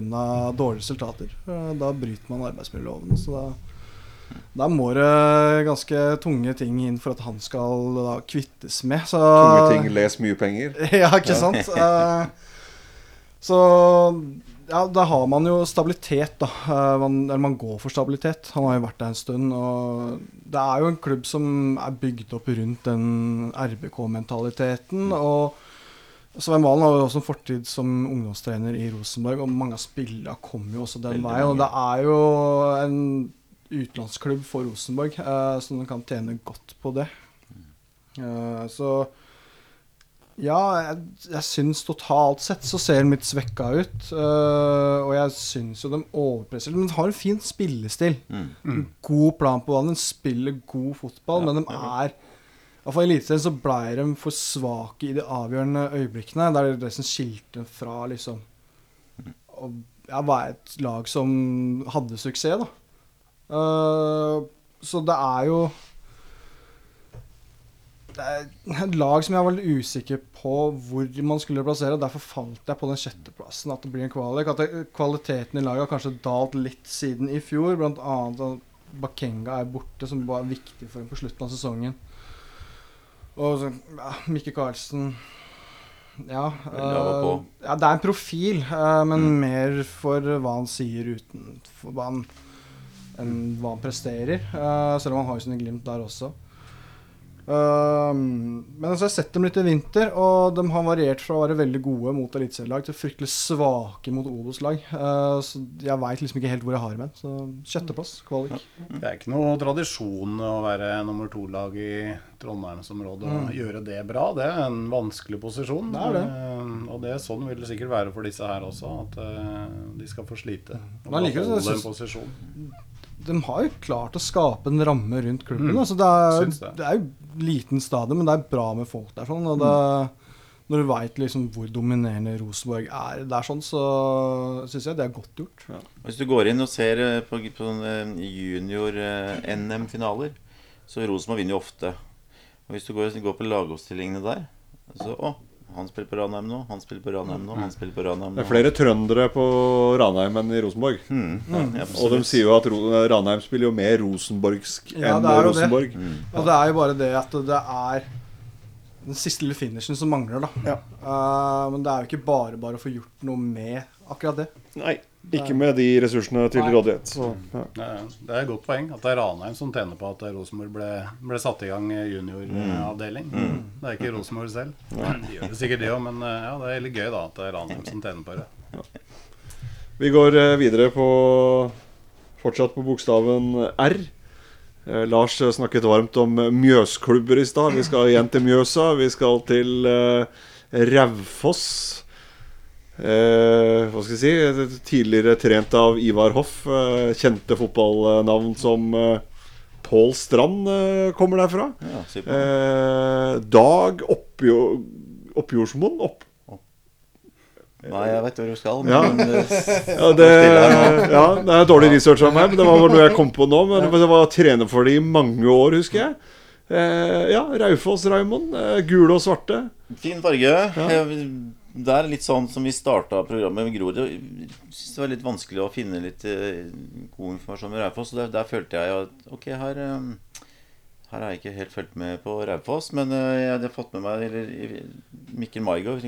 Han gikk jo, dit, eh, gikk jo fra Raufoss midt av sesongen til Godset. Så jeg mista, jeg mista han tidspunkt. Hun klarte seg jo greit i fjor, poengmessig og sånne ting. Eh, Gjorde det greit på, på hjemmebane. Det var OK enten eller bortebane. Fem seire, ti tap. Ehm, fått inn en midtbanespiller Mista Parfight Bissosa til Ålesund. Men um, de har midtbanespillere fått inn Lasse Berg Johnsen fra Viking. Eh, Jeg har, sett han, jeg har sett at han har spilt kampen. Jeg har ikke sett kampen, jeg bare så på kampfakta. Jeg har sett at han har gått inn der. Fått inn eh, Lee Rochester Sørensen, som spilte i Nesotra, men også innom Danmark. Også en navnekombinasjon. Ja. Så har de fått inn en unggutt fra Molde, Emil Breivik. eh, Men eh, ja, så her Jeg har jo som sagt prøvd å skrive nøkkelspill og sånn. Her står det blankt, altså. Så, men jeg, jeg, jeg, jeg, tror Jeg på en måte tro, tro på at de, de klarer å holde seg. Eh, Men Du tror godt det er er Raufoss, litt altså? mer basert på fjoråret at de klarte seg såpass enkelt og sitter med ganske mange av de samme spillere som i fjor. Så det er litt basert på det, da. Så jeg har faktisk eh, klinka til og satt Raufoss på niendeplass. Ni. Takk. Lars? Jeg er like, like positiv til Raufoss. Uh, og eh, det var ikke sånn Mjøsklubber generelt, men jeg ville gjerne Ja, jeg skjønte det, da. Ja. Men eh, det, det ga meg en fin pitch inn på Ja, ja, neste lag. Det, det er jeg glad for. Eh, så jeg har faktisk Raufoss eh, på nedrykk. jeg. Har den på 15.-plass. 15.-plass der, Ja. altså. Ja. Eh, og det er jo langt svakere enn eh, i fjor. I fjor, eh, Hvis du ser på fjorårstabellen, så er de jo ja, 16 poeng over direkte nedrykk. Så da er de, da er de God jo- klaring. God klaring, ja. Eh, så, men jeg har satt dem så langt nede allikevel. Uh, uten å ha nevneverdig gode grunner for det. Det er så mange andre gode lag der. Så nei, de, har, de rykker ned. Det er mitt, eh, mitt bud. Christian, Ja. Jeg du kjenner vel detaljert til Raufoss? Det, det er lag jeg har sett en del, men allikevel, altså? Fantastisk. Både fjor og litt i vinter. Uh, men allikevel Det er lag jeg følte jeg var litt sånn blank på. Ja. Uh, så, men jeg har dem på en niendeplass. Uh, det er en klubb som jeg syns har vært gode med spillere inn.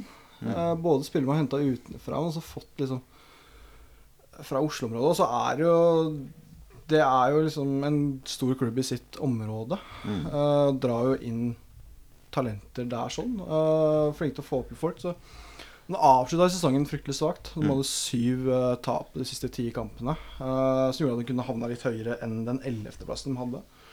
Men at det er ikke mye de har mista nå uh, i løpet av vinteren.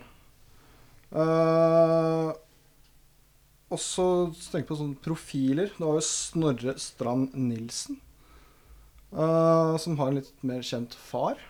Harald Christian Strand Nilsen, tidligere alpinist, som uh, er jo blant annet OL-medaljør Ja, i alpint. Så Så Bare de hopper et par plasser opp. Og, Ja, ikke sant? og stiger. Det er umulig å få bytta om litt. eh, Eh, nei, så det er et lag som jeg føler det er et klubb som har liksom det som trengs for å være et stabilt midt på Obos-lag. Mm. Uh, som gjør en god jobb uten liksom de store ressursene, store forholdene. Uh, og det Ja.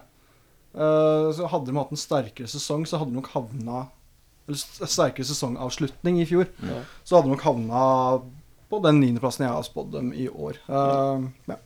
Det var faktisk et av de lagene jeg måtte flytte på når det kom noen spillere inn og ut andre steder. Altså. Ja, okay. ja, til fordel for de, eller? Nei, det var, eh, Det var nedover? Det falt nedover, ja. Ja, okay. Ja. Ja, Raymond, vi går videre til eh, et lag som eh, har bytta navn uten at noen gjorde noe særlig stort nummer ut av det. Ja. Eh, de skulle hatt Kiss som artist på den nye stadion sin nå i juni. Eh, Sandnes Ulf, Sandnes Ulf er laget jeg snakker om, Så bytta navn fra Ulf Sandnes til Sandnes Ulf uten at eh, det ble gjort noe større nummer ut av det.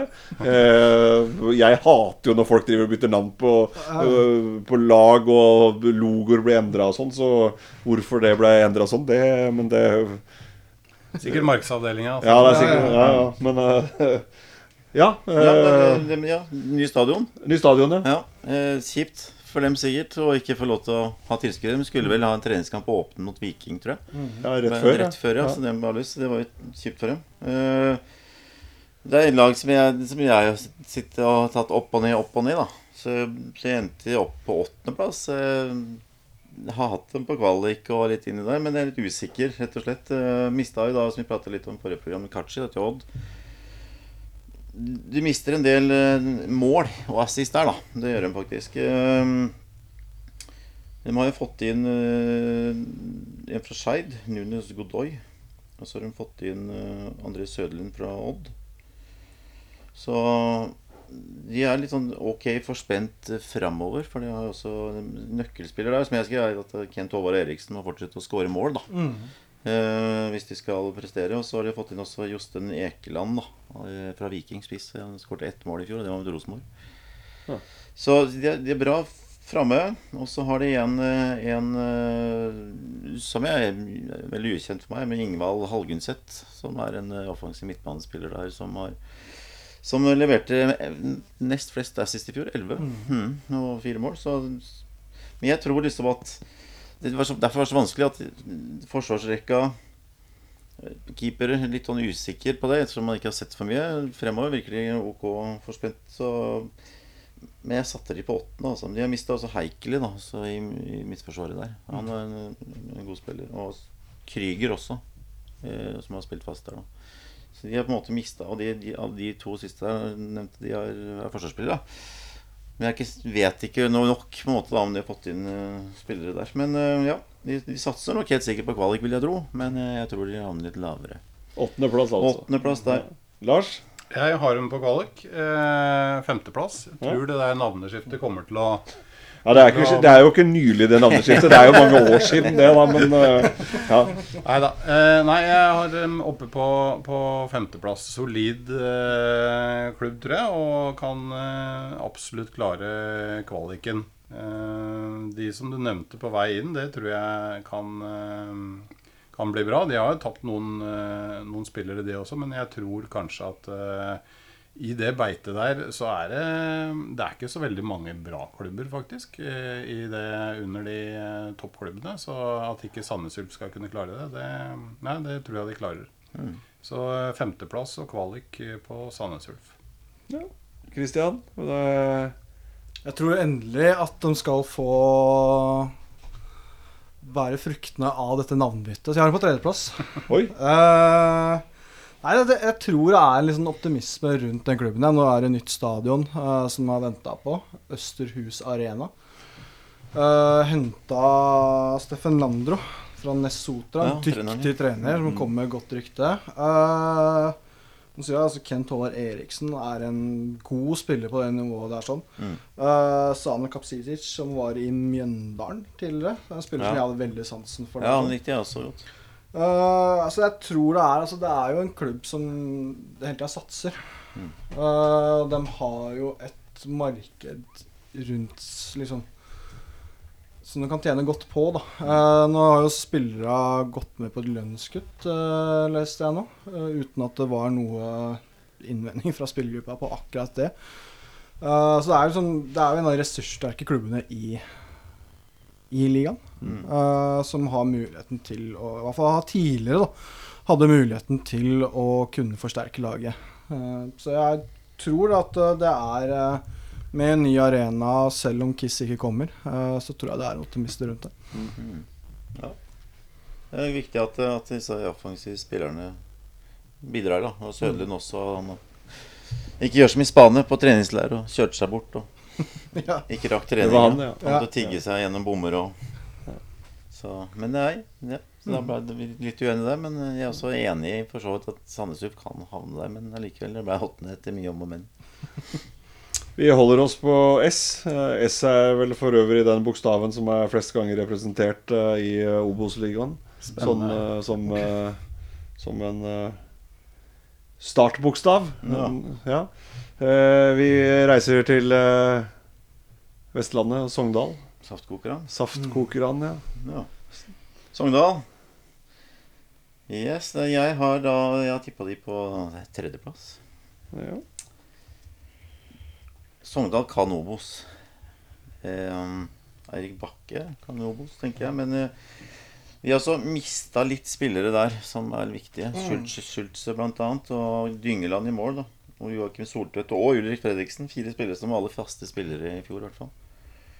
Så har de fått inn da Krüger, da, fra de prata om Sandnes Ulf. Og så har de fått inn Ogbu og Bjørnvi fra Rosenborg. Ogbu er vel en eh, midtstopper som de lånte i fjor. Og Steiring. Og så signerte du Blårud fra Strømmen nå, og så Kupen akkurat her om dagen. Det tror jeg var en bra signering. Fra Glimt, ja.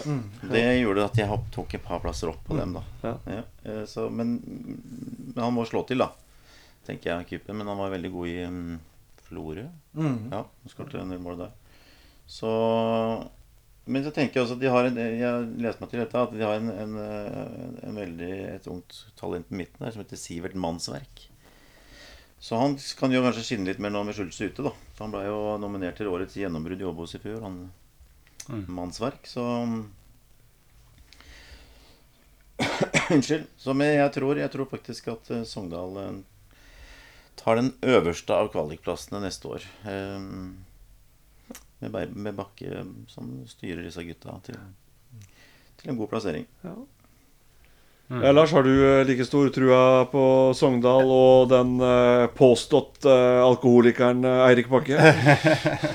Ja, det har jo torn i sida din akkurat der, men, eh, men eh, Nei, ja, det har jeg. Eh, Faktisk enda større, tru. Jeg har eh, direkte opprykk. jeg. Andreplass eh, på Sogndal. Det er som du var litt inne på, eh, Sogndal kan Obos. Eh, Og eh, nå har de vel vært nede for dem eh, lenge nok til at det er på tide å eh, gå opp igjen. Det er jo et heislag, så alt tilsier vel det da, at da skal de opp igjen nå. Eh, og har, syns de har en del eh, bra forsterkninger, som du var inne på, fra Rosenborg bl.a. Og så har de jo mista noen nå, men det er jo sånn er det med Sogndal.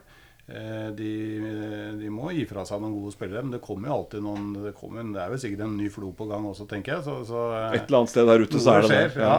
Nei, så dem har jeg trua på. Jeg tror de eh, Ja, en del av de lagene som har rykka ned, hvis du ser bort fra LSK, så, så um, tror jeg kanskje at det er Sogndal som stikker av med den, eh, den siste direkte opprykksplassen der.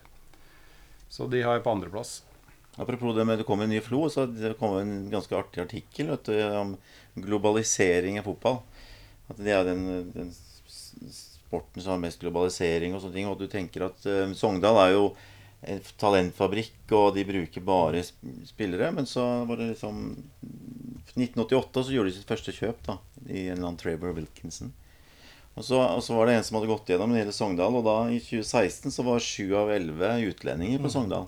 Så de har sånn, sånn, sånn rykte som stemmer, stemmer ikke helt. Så Litt sånn som Lillestrøm og dødballer. ja, ja, ikke sant? Så, det, så, så man tenker at eh, Man tenker at, de, at det er regional, loka, lokal satsing, da. Så, så, men så, så var det da vist på flere klubber at du må jo gjøre sånn for å henge med i toppen av norsk fotball. Du klarer ikke det kun da, i over lang periode. Du kan gjøre det Kan ikke bare ha spillere fra bygdene rundt Nei, ikke sant. Så det, Sånn som jeg har eh, innbilt meg inn i mitt hode. Og sånn som eh, Dag Eilif Fagermo har prøvd å innbille alle at Odd er også bare spillere fra Ikke sant? Telemark. Stemmer nok ikke helt det. Eller? nei, så Men det kan hende det kommer en flo for det. altså, Det vet jeg ikke. Det kan godt ja. ja. Kristian, hva er dine tanker om uh, Sogndal? I år har jeg blitt klok av skaden fra i fjor. Da satte jeg penger hos Norsk Tipping på at Sogndal skulle ta en av de to direkte opprykksplassene. Eh, Norsk Tipping fjerna det spillet ganske tidlig. Det bare forsvant fra historikken min uh, før jeg hadde spilt en 15 kamper, tror jeg. Jeg var også et bryllup i Sandane, uh, ikke så langt fra Sogndal. I hvert fall uh, det som er korte avstander der oppe. Da, da snakka jeg med noen familiemedlemmer fra kona som har familie på Vestlandet. Og da nevnte jeg at jeg hadde satt penger på Sogndal på direkte opprus. Og da, da lo de godt rundt bordet. Eh, nei, altså, jeg har dem på åttendeplass. Uh, da har jeg dytta dem opp noen plasser etter signeringen av Blårud og Endre Kupen. Uh, Snakka om Eirik Bakke. Han har vært litt grinete på slutten av forrige sesong. Uh, Sutra litt på publikum der sånn. Nevnte jo en alkis-kommentar til Kjetil Reita. Han var Ja. jo også tatt for noe fyllekjøring når han spilte i Leeds. Jeg husker jeg hadde jeg prøvde å se i bokhylla rett bak her nå om jeg hadde en bok. Jeg husker ikke navnet på boka, men det var en, et leksikon eh, skrevet på hukommelse. Og Der sto Eirik Bakke, eh, og der var han omtalt som en eh, trafikkjører fra Vestlandet, kjent for å ha innført bakkestarten i England. Eh, men altså, det er en klubb som nå har de jo etter å ha permittert spillere, signert Blårud og Endre Kupen. Eh, og det er en klubb som hadde litt anstrengt økonomi eh, i vinter. Blant annet så hadde de ikke penger til å tilby Ulrik Flo en ny kontrakt, så han la opp. For det var ikke noe annet i området rundt som var interessant for han. Og så har de da mista Mathias Dyngeland. Eh, det gått til Elsborg. Var kaptein og keeper der sånn. Og så, Vi nevnte jo også at de er jo klubb kjent for eh, å fostre opp lokale Mm. spillere. Og det viser seg jo ikke. Og mange av de lokale spillerne som har kommet er jo også fra bergensområdet. Ja. Mm. De har vært veldig gode på å plukke de Nest beste i, Ja. til Brann? for å som si det eh, sånn, dem ikke tar. Og, eh, Og Det som var litt gøy i det eksempelet, da, det var jo det at det var syv av elleve. Mm. Og de fire som var igjen, det var Bergen, Bergen, Gjøvik. Og så var det en fra tett i området, da. Så Mm. Det var sikkert Ulrik Flo. noe sikkert, kanskje. Mm. Ja. Nei, men eh, de har jo eh, på papiret et uh, fyrverkeri av en spisstue, da. eh, I Iker Adams. Som er en spiller som man uh, trodde virkelig skulle blomstre. Det var en spiller man trodde Sogndal kunne tjene styggmye penger på i fjor sommer. Uh, tidligere U-landslagsspiller for Nigeria som mm. på et eller annet mirakuløst vis klarte å hente til Saftbygda. Og skåret bl.a. hat trick i junior-NM-finalen mot Rosenborg. Eh, og slo ikke til i fjor i det hele tatt. Uh, men ja, det er potensial der sånn. Og Henrik Kupen som vi snakket, han har jo ikke levert i Bodø. Har også slitt mye med skader. Ja, han var helt sesong ute, så. Uh, men det er en spiller som har bøtta inn mål i Obos-ligaen tidligere, så mm, jeg har ham på åttendeplass i år. og da har jeg flytta dem opp et par hakk. Lars, kan ikke du gi meg eh, æren av å starte ballet med Stjørdalsblink? Selv om jeg har lovt at du skal starte, så kan du få lov til å ta det dorulldugnadklubben for meg. Ja, men du Takk. er inne på noe der. Eh, Jeg har dem eh, dessverre altså helt i bånn. Eh, 16.-plass. Eh, og grunnlaget for det, det kan man jo sikkert lure på, men det, det, er vel kanskje ikke så veldig mye som tilsier at de treffer helt. Eh, lite ressurser. Eh, ikke nok på overgangsmarkedet til å overbevise meg om at dette her går veien, selv om det er mange spillere på veien. Og, både fra, fra Ranheim og, og, og til og med fra Færøyene. Fra mitt favorittlag, Klaksvik. Eh, men eh, nei, jeg har de på direkte nedrykk og helt nederst på tabellen, dessverre. Kristian? Ja, jeg har dem på tolvteplass. Uh, de vant kanskje det som var den tøffeste avdelinga i annendivisjon i fjor, avdeling 1. Uh, det var det laget som tok flest poeng av alle i andredivisjon. De scora flest mål, og de slapp inn færrest mål. Uh, de har også beholdt spisstuene sine. Mats Lillebø han skårte 23 mål i fjor. Uh, og Sondre Hoppmark Stokken som skårte 15 mål. Eh, så hvis de får det til å fungere i Obos-ligaen nå, så kan jo det være det som holder plassen for dem. Da. Eh, ja, det er vel eh, det jeg har av info på dem, rett og slett. Uh, Raymond uh, kommer inn, og så fyller han inn alle de All the blanks. så hvis, hvis du er eh, tom der, så Take kan Raymond. take it away. Ja. Ja, nei, eh, du rappa jo og beholdt Mats Lilleboll til 23 mål, så det var vel stort sett det jeg hadde på Stjørdalsblink. Men jeg har den på Er det nøkkelspilleren eh, på Stjørdalsblink? Jeg også tenkte at han, det var viktig for de å beholde han, i hvert fall. Hvis Ja. de skal ha noe som en sjanse. Men, eh, men igjen, der var det ja, så å si umulig altså, å finne ut så veldig mye av Stjørdalsblink. Og det kan jeg ikke noe om. De vant en avdeling med Fredrikstad. Imponerende nok, det, da, i fjor. Hadde de bare svart på e-posten, Raymond, så hadde det, Ikke det kunne vært oppe på kvalik. Da. Vært Så en liten uh, shout-out til Stjørdalsblink. Eh, les e-post. Les e-post. Hvilken Eh, plass har du de på? 15. Rykker, rykker ned. Dessverre. Sammen med Nei, det, det kan jeg ikke si. Nei, det kan du ikke. Jeg, er ikke, jeg har ikke tatt Ikke ennå. foregrip noe her nå. Vi går tilbake til eh, runden vi starta på, og kommer over til eh, laget jeg elsker å hate, Strømmen IF, Kristian. Christian. Ja. Små forhold er vel eh, et ord som beskriver strømmen veldig godt. Eh, jeg og Raymond snakka om dem her om dagen eh, på jobben, og det er Da har dere et fattig liv, da, når dere må snakke om Strømmen på jobben. Nei, vet du hva, da jeg vil vri på det og si at det er et rikt, eh, rikt liv man har da. Eh, nei, det, altså, det er en klubb fullstendig uten økonomi. Uh, det må jo fortsatt ikke kalle tilbake spilleren fra permittering. Uh, det er en klubb fullstendig blotta for junioravdeling. Altså, det er uh, en dyktig trener, da. Talentfull trener. Ja, han står jo på sånn hotshots mm. talentliste over norske trenere, har jeg lest. Ole Martin Nesselkvist og Kvist. Nesselquist skal være riktig. Den spilte en veldig fin fotball. Eh, men jeg snakka jo om Ranheim i Eliteserien blei for svake i de avgjørende øyeblikkene. Og der har du helt klart eh, strømmen. Eh, fryktelig svake, særlig defensivt. Offensivt så hadde de jo Gusiås. Og kun Gusiås. Og nå er jo han borte. Og dere må ha henta inn er liksom sånn derre Man kaller det på hockeyspråket en sloppy seconds. Det er restene fra alt som kan krype og gå rundt av klubber. For det er ikke noe økonomi til å hente noe spesielt. Men Jeg hørte intervju med Nesselquist da, før den de skulle spille mot Sarpsborg. Og han sa jo, det har vi også snakka om i Romerikes Blad, at man har vært veldig tydelig på at man skal ha inn hva skal jeg si, spissferdigheten. da. Eh, at man går litt vekk fra allroundere. Man skal ha en spiller med de ekstreme ferdighetene. Ja. Så kan vippe det. Men eh, ja, så jeg så det mot Sarpsborg. Eh, jeg så et kvarter.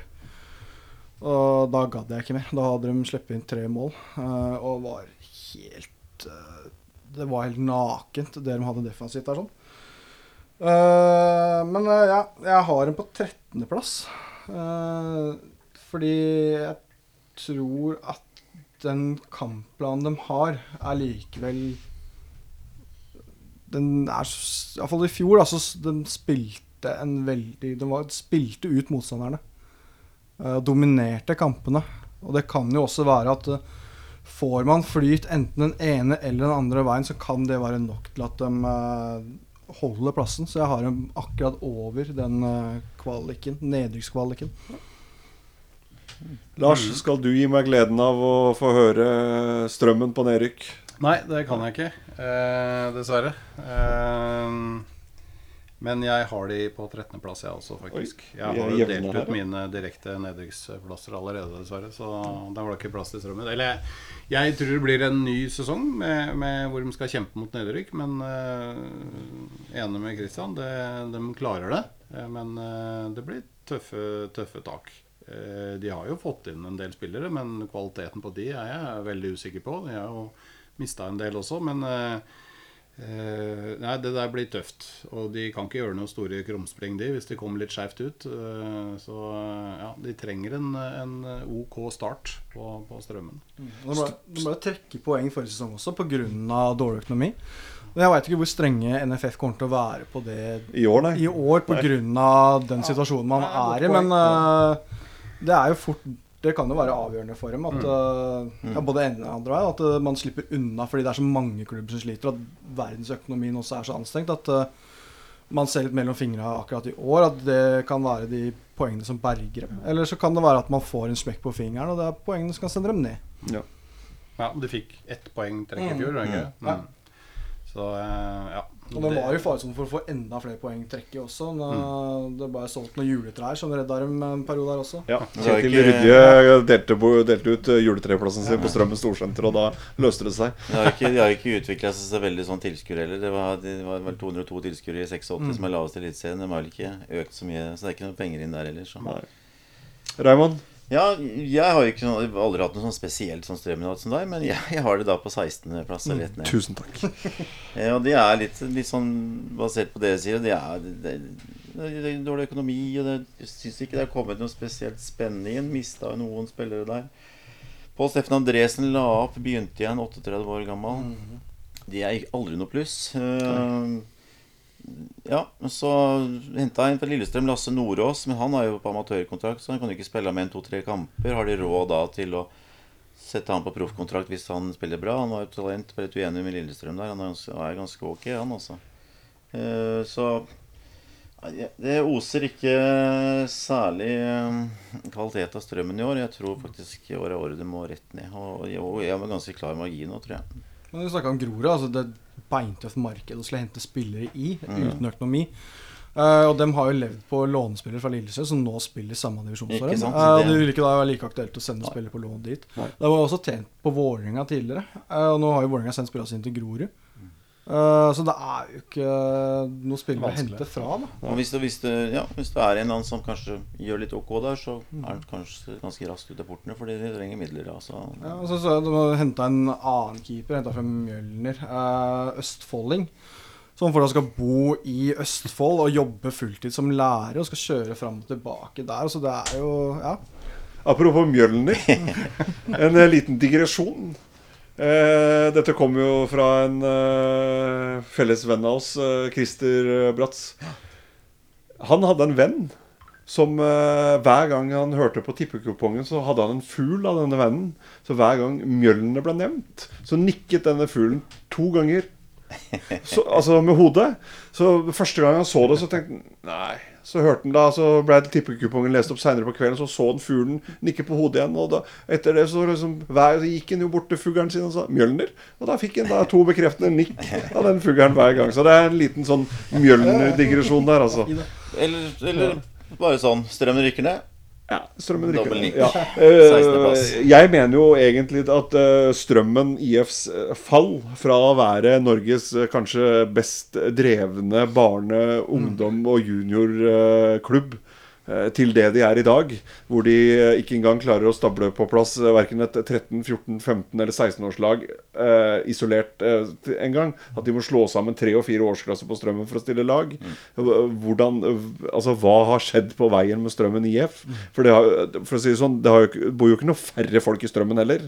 Nei, ikke sant. Det, I likhet med resten av området rundt Ja. der, så er det voksne. Uh, altså det, det bare baller seg på. Uh, det er jo et av Europas største mest voksne områder, da. Pressområdet på alle Ja. mulige måter. Altså, Så hva, hva har skjedd med Strømmen? Det har egentlig vært en diskusjon eh, eh, En Kanskje egen en egen temapodkast om Mm. eh, Strømmen IFs eh, fall. Jeg skal bidra med glede.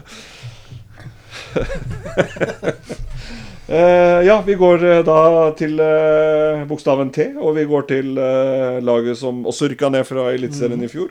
Tromsø. Ja. Kristian? Det er jo den store giganten sammen med Lillestrøm. Eh, det er jo sånn historisk sett. Turbulent periode. Simo Wallakari. Nå fikk man bestemte seg rett etter sesongen at han kjører videre på. Ja. Og så, når dette her eh, sparker i gang, den pandemien, så skal de ikke ha han med videre. Man har gått vekk fra å ha en sportssjef i klubben. Uh, henter Gaute Helstrup som lokal, Han har gjort en fin jobb i Tromsø. Men uh, litt sånn skuffende i forhold til forventningene det han fikk til i HamKam forrige sesong. Og det er jo en masse spilleflukt, uh, særlig på de offensive plassene. Uh, Fini Masemi er eh, borte, eller låneavtale som forsvant der. Runa Espejord forsvant til Nederland. Uh, Erik Smith, som var veldig god når han kom inn der. Uh, de hadde en engelskmann som jeg ikke husker navnet på i farta, uh, fra Manchester United der, sånn.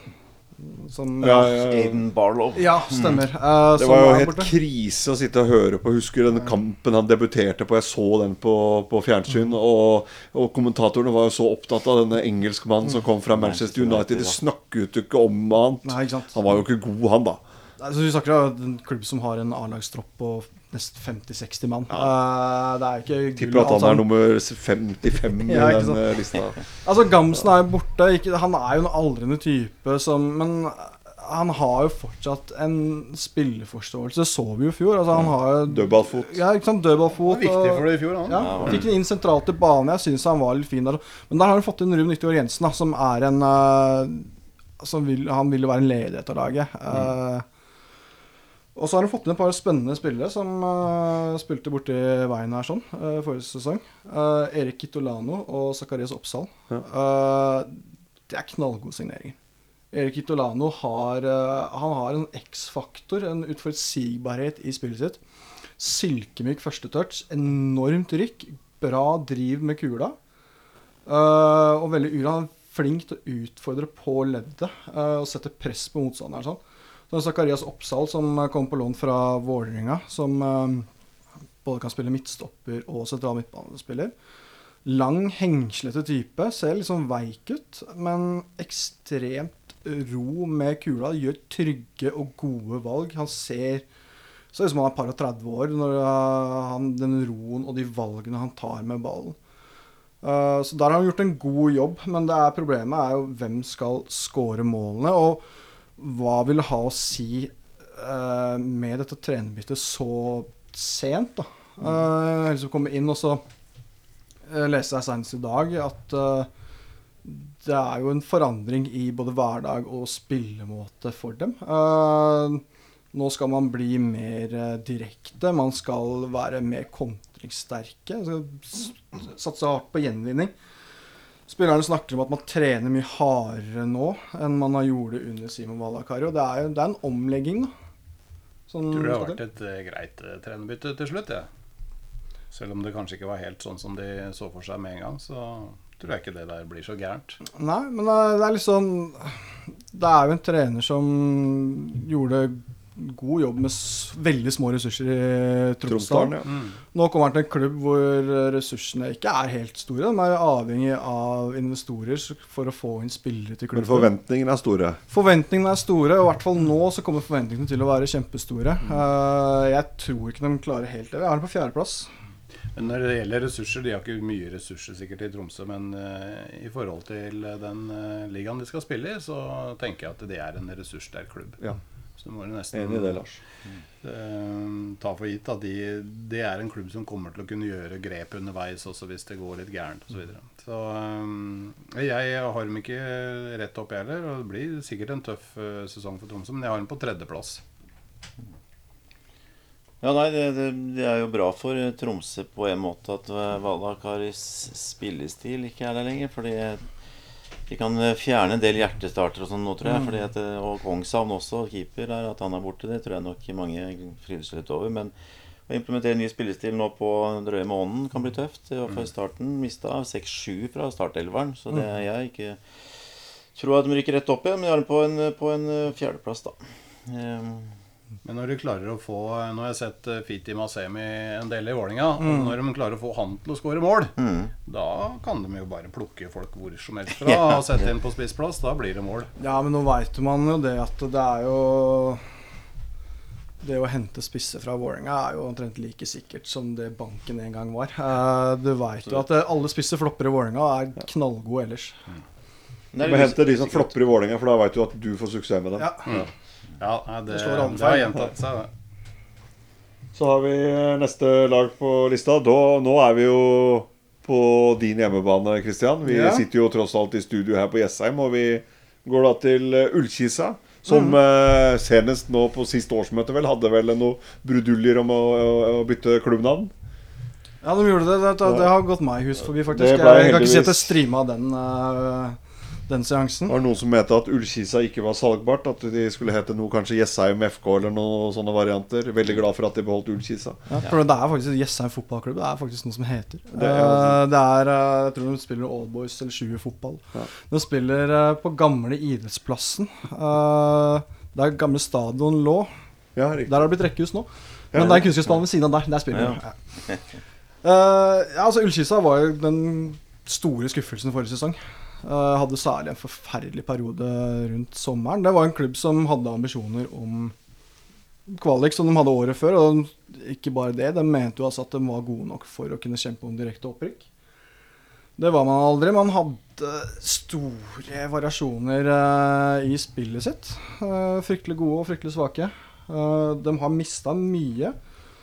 Eh, Lars Ranger har vi vært innom. Det er jo ikke det største tapet. Kristoffer Kristoffer Normann Hansen hadde en fryktelig svak sesong i fjor, men det er en spiller som hadde den X-faktoren som hadde noe ekstra, da. Uh, Kitolano, som jeg nevnte, er det kanskje det største tapet som jeg ser. Uh, ble vel også kåra til årets spiller Ja. eh, av klubben, eller spillerne selv. Uh, Diamande er borte. Eh, man hadde mye lånespillere, eh, men eh, nå kommer jo overgangsvinduet tok seg litt opp. Uh, man har jo henta tidlig, så har man henta Man fikk eh, Ole Breistøl, som man fikk i bytte mot at man lot uh, Norman Hansen gå allerede nå. Han hadde jo en kontrakt som gikk ut til sommeren, og da lot den gå gratis til Sandefjord nå i bytte mot Breistøl. Ja.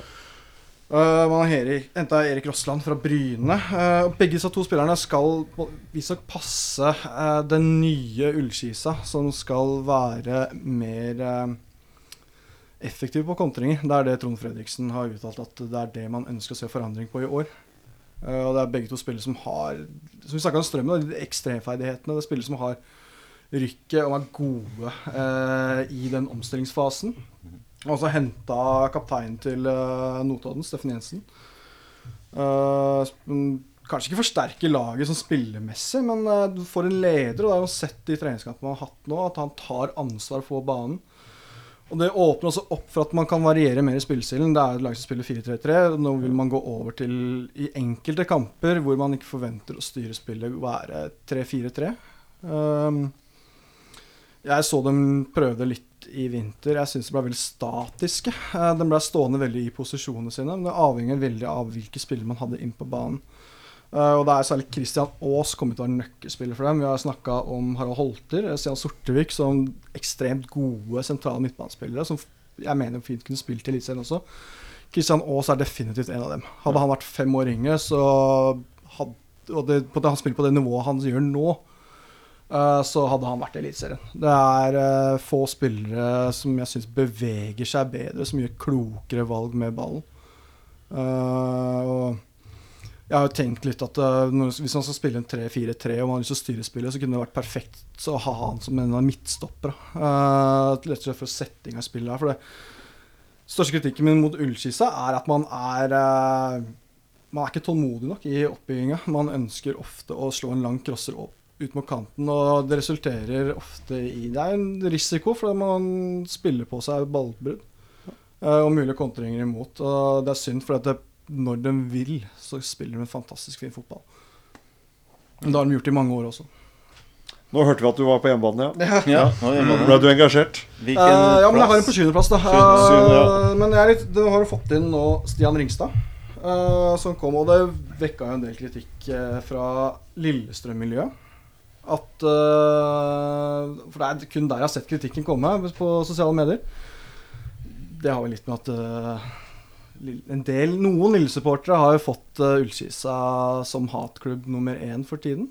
Ja, merkelig. Ja, Men- merkelig. eh, men ja, de stiller seg veldig kritisk til hvordan en klubb som har hatt spilleren sin permittert i to måneder, plutselig kan gå ut og hete Stian Ringstad og Mesut Chan fra Skeid, som til sammen kom for 25 000 kroner. Eh, så klart Det kommer jo en lønn inni her, sånn, men uh, hente spillere fra Skeid Du tar ikke over den største lønningsposen da. Eh, og Stian Ringstad, som har hatt en dalende karriere et par år nå, og som er lokal. Han er fra Nes, borti veien her sånn, og bodde Haga, allerede nærmere bestemt. altså, bodde allerede på uh, Jessheim. Så det er ikke sånn at man måtte lokke med store pengesekker for å få han til å flytte hjem. For han bodde allerede hjemme. Ja. Så det, jeg stiller meg litt sånn uforstående til akkurat den kritikken. Eh, Jeg har sett et pengeforbruk i Eliteserien Eller også andre Obos-klubber som har vært i samme situasjon, som er mer kritikkverdig. Ja, Lars. Eh, Er du like på hjemmebane? Nei, jeg er ikke det. Eh, og jeg har ekstremt lite å tillegge fra hva vi har vært igjennom her nå. Eh, men jeg, er, jeg har satt dem på en niendeplass. Ja. Eh, Det var eh, mm. ganske langt ned, syns jeg. Ja, det er, det er jo det er lag som kanskje kan kjempe om å, å være i kvalik. Men eh, nei, det har dem på niende. Så da ble det ikke sånn i år. Nei. Nei. Nei, jeg har ikke så veldig, veldig mye mer å tilføye, heller. Men jeg har de på en tiendeplass. Tenkte når de fikk inn han eller Khan og Ringstad, at de kanskje kunne Men så Ringstad er dalende. Hatt kystsyken, har ikke spilt fotball på lenge. Masse kamper nå. Det er ikke sikkert. Og han kan, han, hvis jeg forstår det riktig, akkurat kommet fra en akilles eller en røyken. Så det er litt sånn usikre kort der. da Så klart Slår de to til, så er det fort kanskje kvalik. For det er to bra spillere i utgangspunktet, men jeg er bare litt usikker på om de kan slå til her. da Men nå kommer de ikke inn i posisjoner hvor det er behov for forsterkning heller. Man trenger midtspiss. Eh, Martin Trøen er ute hele sesongen. Er det ikke det Sander Werner fra Vålerenga egentlig henta som da? Ja, men han har de brukt på som kanten. kant, ja, jeg vet. Uh, så da at Mesut Chan kommer inn Det er jo heller ikke en midtspiss, det er jo en kanttype. Men det skal sies at uh, når det ble ganske tidlig klart at Kristoffer Nordmann Hansen var på vei ut, så var Mesut Chan den jeg hadde øverst på den ønskelista innenfor for Ullskisa. Det, jeg syns det er en veldig god spiller på dette nivået her. sånn, og det både Koffa og Strømmen var jo ute etter den eh, også. Eh, jeg er veldig glad for eh, det sesongkortet jeg har på Jessheim stadion, at jeg får lov til å se Mesut Chan. Det var jo gleder meg veldig. Jeg var inne på det i starten, da, i forhold til det å, å eh, få informasjon om klubbene. Og da var jo da, som nevnt Ja, eh, Keepertrener Westgård. Ja. Fredrik Westgård må jeg da takke som har svart mail, og Ja. han kan jeg da gjerne kontakte Også journalist i Romerikes Blad. Ja, så det var hyggelig. Så det, det Og var et pluss, ansvarlig da. for sosiale medier. Og det er liksom alt muligmannen bort på Ja, sanden Ja, ja, det er bra. Så en sjuende, åttende og tiendeplass, var det det, eller? Nei, 7, 9, 10. 7, 9, 10 ja. ja. Eh, da går vi over til uh, Ø og Øygarden, uh, Christian. Mm -hmm. Da skal vi se om du er like taletrengt nå som du var for uh, Ullkisa. Ja, det Imponerende! Jeg har jo vært innom Øygarden allerede Ja, du i det. sendingen. Ja, du har det, så- Nest Sotra.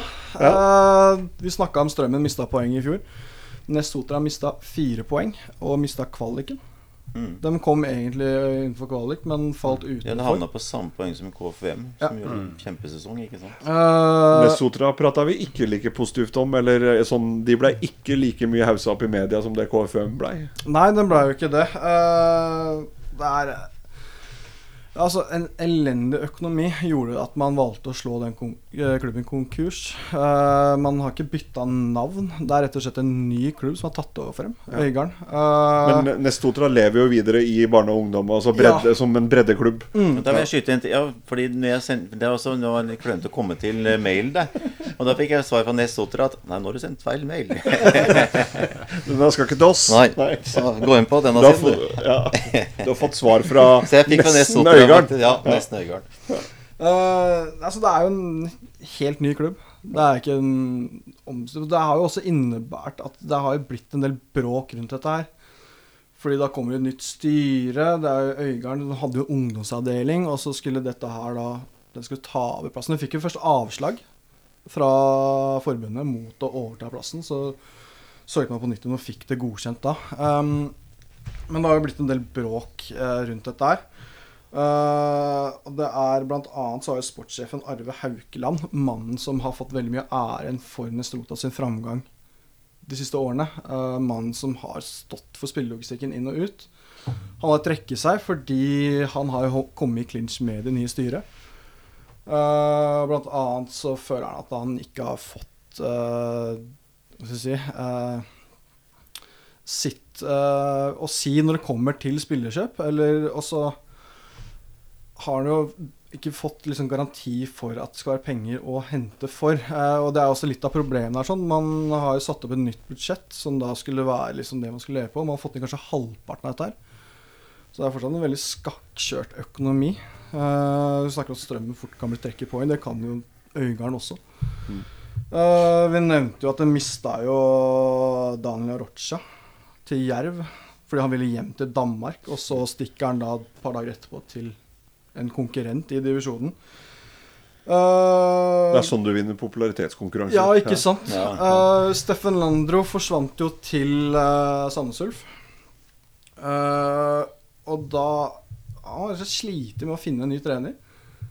Altså, man har Nå så har man en amerikaner, Bryant Lazaro, som er hovedtrener. Kom fra Alta.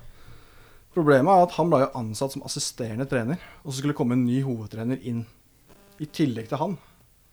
Men den fikk alle på plass, denne hovedtreneren, så han ble jo forfremma som hovedtrener. Så jeg spår en dyster sesong for Øygarden. Jeg har jo helt sist. 16.-plass, altså. Jepp. Uh, det er uh... Rykker ikke ned med Fernando Torres, da. Det er ikke sånn. Ja, Altså, det... Spiller de på naturgress òg? Er det naturgress òg? Ja. Er det Ja, det? det er det. Ja. Ja, men Jeg er- rykker ikke ned da, Lars. Nei. Men så er jo et annet poeng som jeg har som taler imot dem. Altså, De hadde mye lånespillere fra Brann som gjorde det for en forrige sesong. Eh, Mehmet og var det Hustad som var på lån. Mm. Spissene som var på lån. og sånn, Begge er borte. Og nå har jo Åsane kommet opp. Og hvis det da skulle være sånn at Brann har et par spennende unge, spill unge spillere som de skal få ut på lånt for å få verdifull erfaring et annet sted, så er jo ikke hvilken av de to lokale klubbene i Obos er det du velger. Den klubben hvor det er fullstendig kaos, eller en helt stabil Åsane som Åsane er vel hakket nærmere sentrum ja, sånn sett også, i forhold til det med logistikk for In, de unge ja. guttene også. Så de har, jo, jeg tipper de vil miste den muligheten man hadde til å få inn billige eh, forsterkninger fra Brann. Det tipper jeg Åsane vil være klubben som Leste jeg ikke at. Asa Karadas var aktuell for Øygarden? Riktig. Mm. Ja, uh, så det er en spiller som da la opp uh, for et snart halvt år siden. Ja, jeg var fortsatt er, eh, livredd Asa Karadas. Da. Hvis han kommer inn og spiller spiss eller forsvar eller hva som helst. så tenker Han lager ja, kaos, han. Ja, ja, ja. Eller hvis han er spiss, ja. Det skaper jo Ja. kaos uansett. Han binder jo opp folk eh, bare på ryktet sitt, han da. Ja. Ja. Ja, men han er jo en av de som nå ble tatt ut til NFF sitt uh, elitetrenerkurs. Ja. Han er ansatt i ungdomsavdelingen til Brann. Ja. Så skal han fortsette å gjøre, være ansatt i Brann, og så dra ut Spille noen kamper i helgene, da, Ja, ikke sant. Ja. Det er jo det er et stykke å reise. også. Det er, uh, og det er da liksom signalsigneringa her. En mann som Har lagt kommer, opp. Kommer, ja, lagt opp for et halvt år siden, som kommer til å møte opp på søndagene. Ja. Det høres ut som. Trevor Morley. Ikke sant? Det, nei, eh, Øygarden er min klare dumpekandidat. Hva med deg, Lars? Eh, skal vi se. Jeg, eh, jeg har ikke så nevneverdig peiling på Øygarden. Eh, har kanskje ikke gjort så bra research som Christian, eh, men jeg har de på en ellevteplass. Det var høyt. Ja, det er I hvert fall jeg, Det blir litt høyt når jeg har hørt utredninga til Ja, Christian det er, det er litt tungt å få fasiten først, og så måtte komme med den. Men jeg må jo bare stå for det jeg har satt opp der. Men jeg husker hva jeg startet denne sendingen med. At det er jo, altså det er jo den største kokosligaen i Norge, og det er jo en liga som er umulig å tippe. Yes. Så Så da er det greit. Ja. Da tenker jeg at det er innafor. For som nevnt i forrige program, da spådde jeg Bodø rett ned, og de gjorde det ganske bra. Ja. Du spår Øygarden rett ned. rett ned, og da har jeg de på sjuendeplass. Jeg. Ja. jeg tror de får litt orden på økonomien og rekkene der. Jeg er litt sånn positivitet rundt at de er i, i Obos. Eh, Jeg har fått inn Charles C. fra Lillestrøm. Kan være en ok signering, det. Eh, Ikedi fra Haugesund er eh, også en ålreit signering. Så tror jeg at de tre lagene som spiller på gress, kan ville profitere litt på det. At det er- Tre lag? Det er kun tre lag. og Jerv, Lillestrøm og så Øygarden. Sotra var et bra hjemmelag i fjor. Så kan være litt så viktig det også, men uh, utover det så utrolig vanskelig å si noe om og spå noe om Øygarden, egentlig. Ja. Men interessant med det økonomi, det Hvordan får de bare sånn orden på økonomien sånn over natta, egentlig? Disse Nei, de, koronatider? Hvis det er lov å si? Men kanskje de, kanskje, de, tider vi kanskje, kanskje, de slipper å, kanskje de slipper å starte med minuspoeng, i hvert fall. da Ja, okay. I tanke på koronatiden og sånn, så de er heldige der. Ja, men jeg syns det var en sånn fin uh, tilnærming til det, at de bare sånn over natta nå i denne perioden. Ja, ja, ja. Det er lov. Lars er enig. Det, er, det er det som kalles tynn is. ja. Det er lov når vi snakker om Øygarden, det. Fordi, ja, Men det er vel det største spriket vi har. ja, det, det tror jeg. 16-11-7 er tabelltipsene.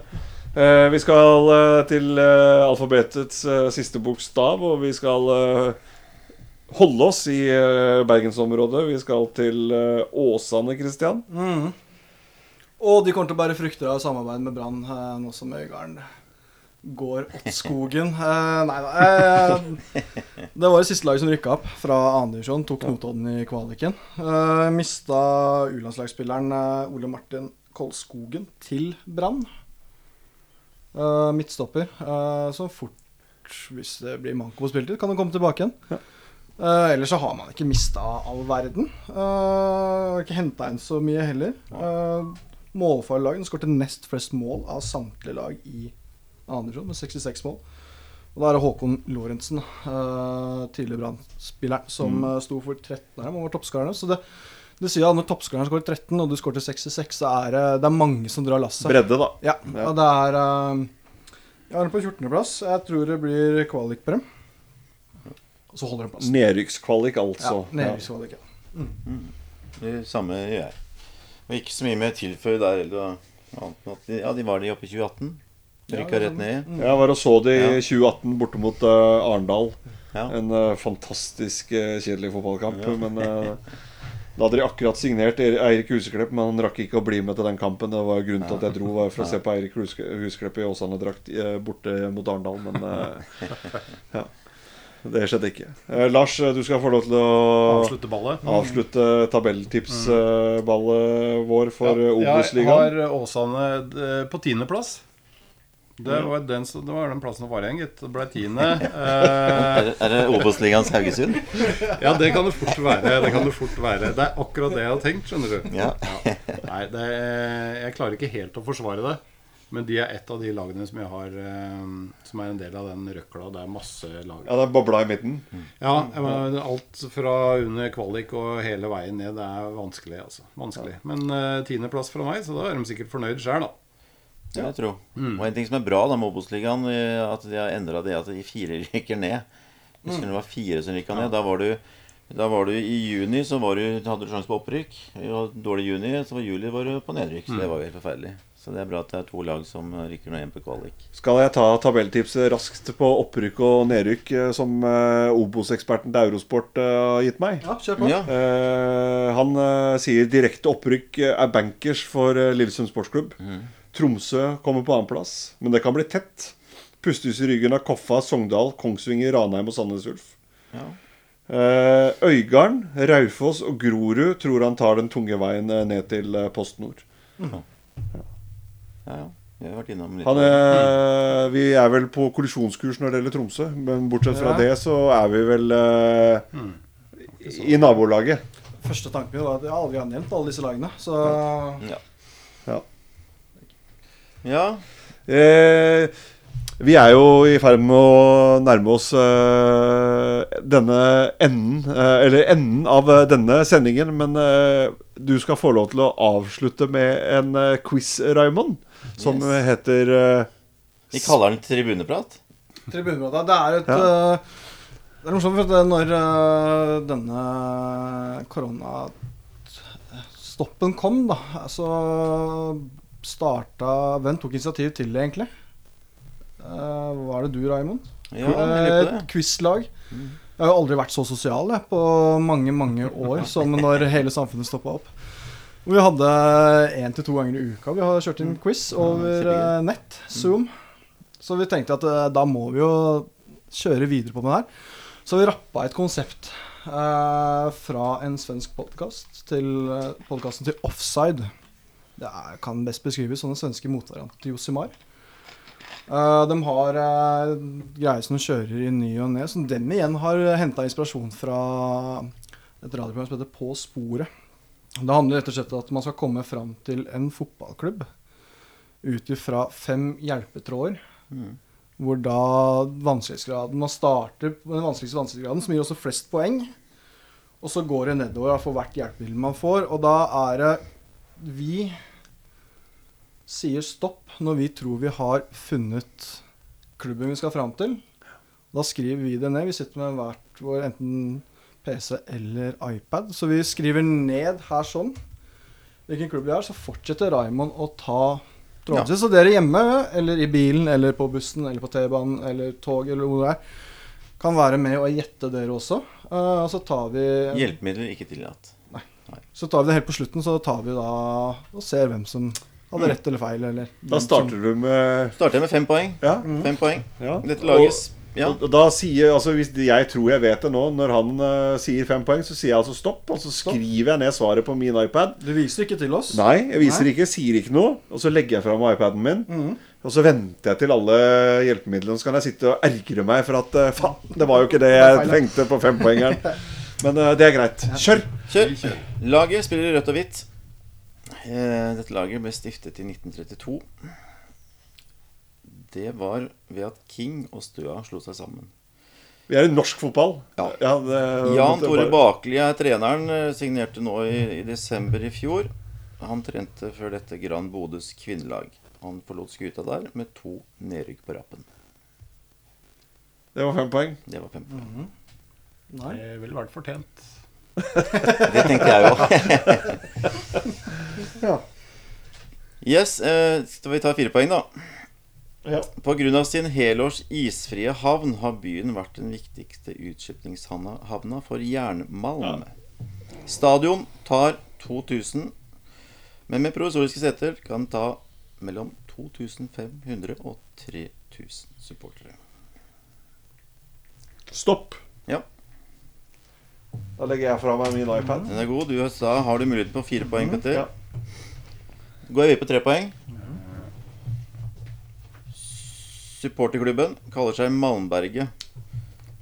Klubben slo seg sammen med en annen klubb i 1997 og het da noe annet. Men i 2005, etter et ekstraordinært styremøte, byttet tilbake til det opprinnelige fra 1932.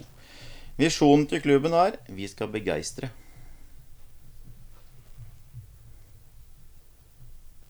Nå ble pilene stille her. Ja. To poeng. Onsdag 25.07.1990 spilte dette laget 1-1 mot LSK på Åråsen. Bjerkland og Schiller ble utvist i sluttminuttene av ekstraomgangene. Returkampen vant LSK 4-0. Laget spiller i år i tredje divisjon avdeling 6 etter å ha rykket ned fra samme divisjon som Grorud. Var også første nordnorske lag til å være i øverste divisjon. Jeg prøver meg her, men Han sier stopp. Christian sier Ja. stopp. Mhm. Da tar vi ett poeng. Laget spiller sin gjenkamper på Narvik stadion. Det var også Narvik FK laget het mellom 1997 og 2005, da de slo seg sammen med Narvik Nord. Liban Abdi er denne klubben sin profil. Han har tidligere spilt i Ungarn, Portugal og Sheffield United, Haugesund. Fra norrønt 'Den som maler og knuser til støv', Tors kraftigste våpen.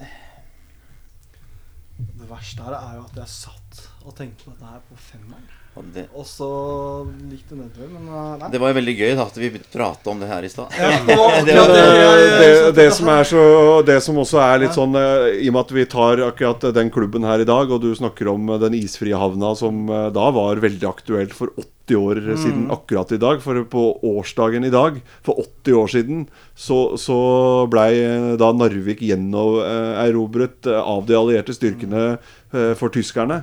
Eh, og det har jo vært masse hedringer eh, i Narvik-området, og ikke minst i Frankrike i dag, for det var jo mye franske legionærer som sloss eh, i Narvik. Eh, så, så det. Eh, og vi nikker to ganger med hodet hvis vi skal ha klubbnavn.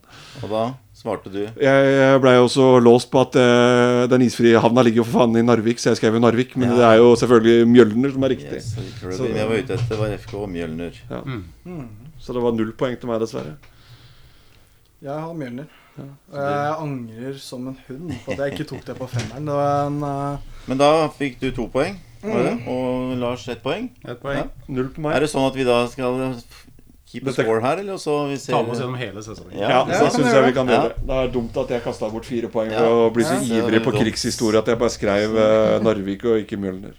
Men det var en morsom quiz. Altså ikke fordi jeg lagde den, men det var en morsom måte å lage det på. Ja. Mm. For å finne ut litt informasjon om Da lager jeg en egen eh, quiz, et quizregnskap som jeg har liggende på min eh, iPad. mhm. Hvor uh, hva tykker vi inn på klokka her. Det ble en lang Jo, det det er ble en lang sending. Vi er oppe over to timer i dag. Eh, så jeg foreslår at eh, så at eh, folk kan få lov til å hvile ørene sine litt, og heller se frem imot eh, vår neste episode. Eh, så kaller vi det En kveld. Eh, lytt gjerne til oss når du får anledning igjen. Det er ikke lenge til vår neste episode skal eh, publiseres heller. Så Kom med kommentarer. Ja, gjerne ros. feedback. Spørsmål. Eh, Ja. vi, I vår eh, neste episode, som vi, som vi om, skal spille inn om ikke så veldig lenge, så skal vi ta noen eh, lyttespørsmål. Men vi tar selvfølgelig også flere lyttespørsmål. Eh, både om eh, sporten eh, og kulturen. Spillet, eh, publikumsting, eh, navnebytter, logobytter. Altså alt. Eh, vi er ikke bare opptatt av styrker og svakheter til fotballspillere. Vi snakker gjerne om eh, klubbdrift og den type ting. Det vet jeg at Kristian også er interessert i. Mm, I vår neste pod så skal vi bl.a. Snakke litt om eh, IK Start.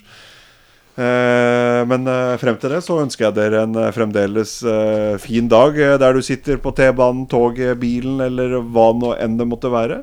Så snakkes vi snart igjen. På vegne av eh, Tribuneprat, farvel. Ha det godt.